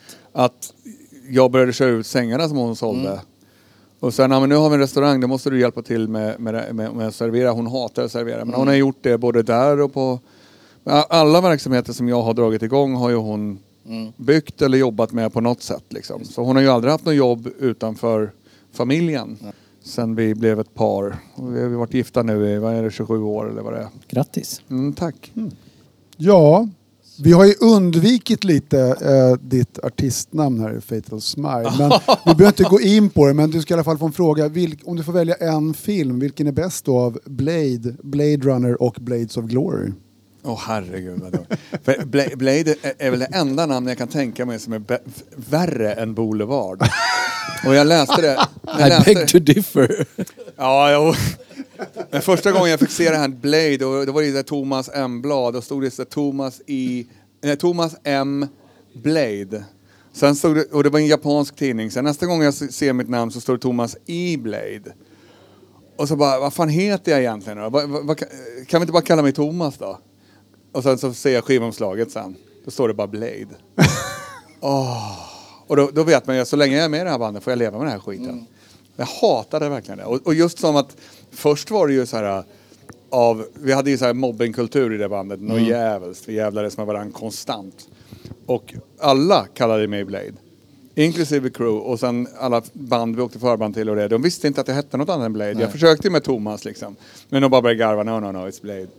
Och så, och så, så, så, sen vart det liksom helt naturligt att jag bara hette det. I musiksammanhang hette jag det. So I'm sitting here with Blade from Fatal Smile. Och då cringear man lite grann och så bara yes, yes, yes you are. Jag har ju fått ditt telefonnummer av eh, Håkan Granat en gång i tiden. Ja. Och då är det ju, han har ju skickat sin Just iPhone-kontakt. det, ja. Och då är det ju bilden och Blade. Är det så? Heter jag fortfarande Blade Japp. i din telefon? Är det en bild på Thomas eller på Wesley Snipes? Ja, men typ. Och Wesley är ju ingen vidare skådis. Nej, det kan vi vara överens om. Thomas Emblad Blade. Ja, och den där bilden som är där, det är ju, det är ju den bilden som var på ehm, när de, eh, när huset hade brunnit ner. Ah. Så det, är, det där är en gammal bild alltså, den är Okej. från 2009. Första gången jag stötte ihop med dig var ju, förutom att jag säkert hade varit på Kopangang några gånger, det var ju när Bayern fans firade Ja, vi firade 20 20 årsjubileum tror år jag. på bingohallen nere vid... På Ringvägen. Då Ja, gjorde 15 år, mitt dåvarande band Dry Dive, vi gjorde vårt sista gig där. Och vi gjorde väl vårt första tror jag med, med det här bandet som... eh, Ja men ni körde svenska hits? ja, precis. Vad fan hette vi då? Då hette vi nog bara Bajenbandet. Ja, Okej. Men sen hette vi nog, vi har hetat allt möjligt. Tre Kronor och A-laget och B-laget och, och åkte runt och körde covers. Just det. Eh, Boulevards med Z på slutet. och ett annat band som spelade där, och det är sjukt att man kommer ihåg det, det var ju eh, med, eh, det var ju CC Flop. Ja! Körde CC Top-covers. Det- När du säger det så. Ja. Var det, hade du bokat det Tony? Jag vet att du hade Nej. bokat oss. Ja, det gjorde jag. Och jag var och träffade dig Thomas innan.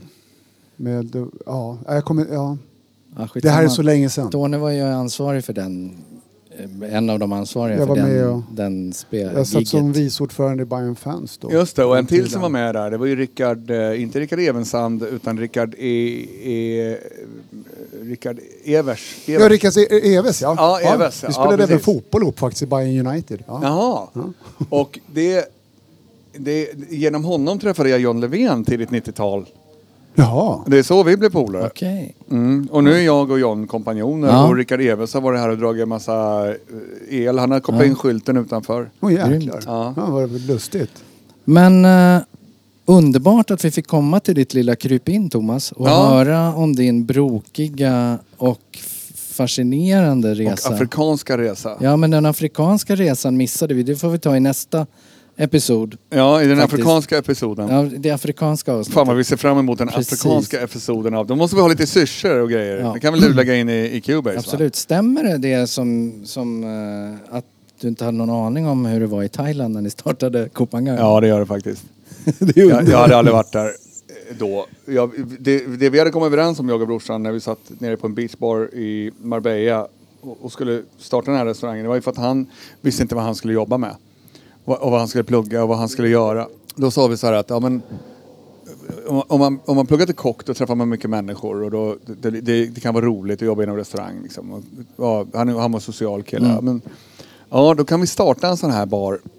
Och då, jag kan lära mig allt annat som inte är matlagning. Och ehm, så jag gick faktiskt och pluggade lite så här företagsekonomi och, och sånt där på komvux. Men, men då var ju planen att, att ha en sån här beachbar som fanns i Marbella med halmtak och lite trä och, och grejer så. Eh, och bambu. Och då när han kom sen, då, det var ju han som kom med den idén att det skulle vara thailändskt. Vi hade ju ingen, ing, vi, vi visste hur inredningen skulle se ut men vi visste inte vilken mat det skulle vara som matchade den inredningen. Eh, jag hade nog mest tänkt på spanska tapas, Mm. gambas pillpill och sånt där.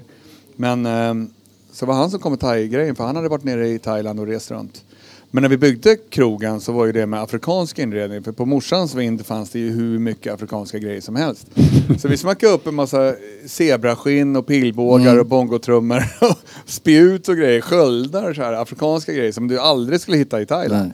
Finns det något props kvar från den tiden Nej, i ingenting, lokalen? Nej, ingenting. allt åkte ut. Och jag vet inte vad grejerna tog vägen sen. Nej. De bytte sig ut eftersom.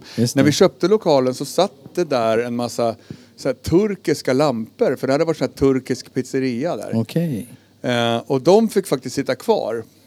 Och märkligt nog så dök det upp i källaren här på Bröderna Olsson en kartong i vilken de lamporna låg Ja, det var... när vi höll på och röjde här. Fan vad skumt. Så tydligen har de gamla lamporna hamnat här. Av någon outgrundlig anledning. Så ni hade en västafrikansk turkthai kan man säga då? Ja. Riktig crossover. Ja, precis. Kopangang var jävligt poppis Ja. på uh, in the heydays. Vilka var de liksom tyngsta gästerna ni hade där? Ja, vi- Det börjar ju egentligen med eh, att eh, när kungen och Silvia hade hängt där då, då blev det ju känt som fan för det stod ju i alla tidningar. Just det. Och, eh, men sen Men blev... hur gick det till när kungen och Silvia dök upp? ja, de ringde ju från Säpo då, eller från slottet först och ville... Ursäkta att jag avbryter. Tjena! Hej. Är- Nu kommer Säpo, på tal om Säpo. Men eh, John Säpo Löfven. Thomas, är du med? eller? Så in i helvete. Vi ska bara Jag avrunda. är så fruktansvärt Vi ska bara... Men gå och sätt dig där så kommer Två, vi. två minuter. Eller gå Eller före. ja, vi är klara i och för sig. Fem minuter, vi är klara. Dra den där storyn och sen rundar vi av. Ja, och så, och så, um, och, och så säger de, och på den tiden tog vi inte, vi tog inte boks- bordsbeställningar. Just det. Och det här blev en grej. Eh, och folk, och jag, jag tänkte så här, vi kommer ju, liksom tidningar ringde ju och försökte boka bord och, och sådär. Då tänkte jag, det här är ju en sån grej. Eh, Aftonbladet som ringer och... skulle genomskåda er. Ja, att, att ja, de, de bokar inte bord men om rätt folk ringer då får de minsann boka. Det var ju lite en sån snackisgrej Ja. liksom. Ja. Och det, det hade redan blivit känt, liksom Eva Attling och Eva Dahlgren kom ju ut där. Okej. De, de var ju sammisar där liksom. Och, ehm, och det var där de blev påkomna liksom. Mm. Så, och då tänkte jag, nu är, det, nu är det någon av dem. Och sen, ja ja, tjena sa jag, vi tar inga bordsbokningar. Eh, och så ringde de igen från hovet och, och sa att men vi vill, eh, okej, eh, kungen och drottningen vill komma även om de inte får boka bord. Hur, hur, hur ska vi göra nu då? Ja, de får väl stå i kö som alla andra, sa jag. Helt säker på att det här var Aftonbladet. Eller Expressen. Och på den tiden då gick man dit och så skrev man upp sitt namn på en griffeltavla. Typ. Ja, precis. Det kom ju sig av att vi trodde ingen jävel skulle dyka upp där på Nej. den här mörka gatan som var Skånegatan. Det fanns ju ingenting där. Nej. Det fanns inte ens gatubelysning på den tiden, inte en butik, ingenting. Det var bara mörker. Och när det rasade in folk, då hade vi en tavla på väggen där vi hade skrivit upp alla ölsorter. Så suddade jag ut den och så bara skriv ett namn här, vem kom först liksom. Mm. Och det var dag ett. Och sen fick den leva kvar i den här tavlan. Och än i denna dag faktiskt sitter den tavlan i, i entrén på Koppan. Det är samma tavla, den är Ja. aldrig utbytt. Den är ommålad många gånger, Ja. men det är samma tavla. Häftigt. Nej men då, men då, då säger hon, ja, men då får vi skicka Säpo, Säpo får ställa sig i kö. Eh, hur ska vi göra här? Ja, ja, ja tjena säger jag liksom. Det får de väl göra. Ja men sen, sen ringer någon annan, från, då, ringer ju Säpo och säger hej vi vill komma dit och, och, och säker, eh, Säkra säkerst, ja, säkra upp och säkerställa lokalen. Så de skulle ju dit då. Först dagen innan och sen samma dag som kungen skulle komma. Och liksom, för, dagen innan koll- kollade de vart kan man sätta en bomb och vart kan man gömma en sh- shooter liksom. Mm. Och sen dagen efter gick de dit och, liksom och, och, och letade efter bomber och sk- skjutare och allting. Och gick in och kollade hur knivarna ser ut i köket och de olika hoten som kan Mm. komma liksom. Och, eh, och då fattade jag ju att okej, det kanske är kungen som ska komma. Och drottningen. och när de väl gör det sen, då har ju Säpo varit där i tre timmar och väntat på bord. Och sen fick de sina bord. Och i två bord då, ett för kungaparet och Mm. deras kompisar och ett för Säpo då, intill. Då hade ju klockan hunnit bli elva på kvällen vet du. Vi stängde ju för fan köket elva. Mm. Och de hade ju fått vänta så länge för att få två bord till varann. Och då ringer de ju in till, till, till någon då. Så, så kommer det då världens jävla flotta kärra. Du vet en sån här gammal vit limousin från 30-talet typ. Där, där, där det springer så här på gubbar framför. Det står någon på sidan liksom. Och så här, som på film. Så här, Som på riktigt liksom. Och då var det ju liksom, shit det här är allvar. Och krogen var ju smetfull. Alltså, Både i baren och, och, och restaurangen. Eh, Så öppnas dörren, vet, in kommer Säpo-killarna, precis så som de ser ut på film med, med snäckorna och, och allting. Och så kommer ju kungaparet iförd full regalia. Under pälsar då liksom. Då har ju de varit på någon sån här galagrej. Ja. Så de kommer ju in som kungen och drottningen, inte som... Alltså de har full... Ja, ja, full jävla regalia ja. liksom. In på den här lilla jävla skrubben. Det var, vet, krogen var ju 75 kvadrat inklusive kök, toaletter och, och lager och all, allt liksom. Vi hade åtta bord. Så det, det, var, det var ju så tyst där inne så det var inte klokt. Och då, då fanns ju inte kameror i mobiltelefoner eller, eller någonting sånt. Nej. Men sms hade precis kommit så att alla bara började smsa, skicka sms-grejer från sina Nokias och Ericsson-telefoner. Och sen blev ju de kvar där givetvis. Vi stängde ju ett liksom. Så fick vi ju säga det att tyvärr alkohollagen kräver att vi stänger nu. Mm. Men eh, och då hade de satt i sig ett gäng eh, gin tonic. Så det var ju så här. Vi hade inte riktigt ordning på bit, bitarna. Vi förstod inte hur det skulle vara liksom. Så vi, vi serverade ju gin tonic som man gör idag med citron. Men på den tiden skulle man ju ha oliv i. Ja. Har du ingen oliv? säger drottning. Nej, vi har citron här. Och så hade vi en norsk servitris som var jävligt rolig. Hon frågade efter, har ni thailändsk te? Och hon var ju nor- norsk liksom. Ja, vi har inte det, men vi har Lipton. Mm. Eh, vad sa du? Vi har Lipton. Lipton te, där har vi Lip- Lipton. Yellow label. Va? Va? Och kungen bara, jo de säger att de har Lipton te. Yellow label Lipton. Jaha. Jag tar en sån Lipton te, det går bra. och så var det hela kvällen. Han fick en t-shirt av mig i alla fall, en personal-t-shirt. Ja. Frågade ifall kungen ville praoa. Och, det- och det ville han, men han har inte dykt upp än. Nej. Nu är det väl för sent. Hur gammal är han Han kan ju ha varit där efter kan- att du ja, hade sig, efter har sålt 2009, det ja. faktiskt. Ja. Han kan ha varit praoa. Ja men underbar story Thomas. Jag tycker Ja, att vi rundar av där. stället, kan jag ja, säga. vi får träffa dig igen. Jag Ja. tycker vi rundar av där. Och så, Vi är ju lite hungriga, är vi inte det? Ja, vi är lite hungriga. Vi ska Ja. gå vidare med resten av gänget här från uh, Garlic and Shots. Ja, äta lite indiskt. Ja, Eller västafrikanskt eller vad det kan ja vara. eller Det kan ju vara thaimat där borta. kan vara thaimat, man vet inte. Har de ens varit in igenom där? Det tror jag inte.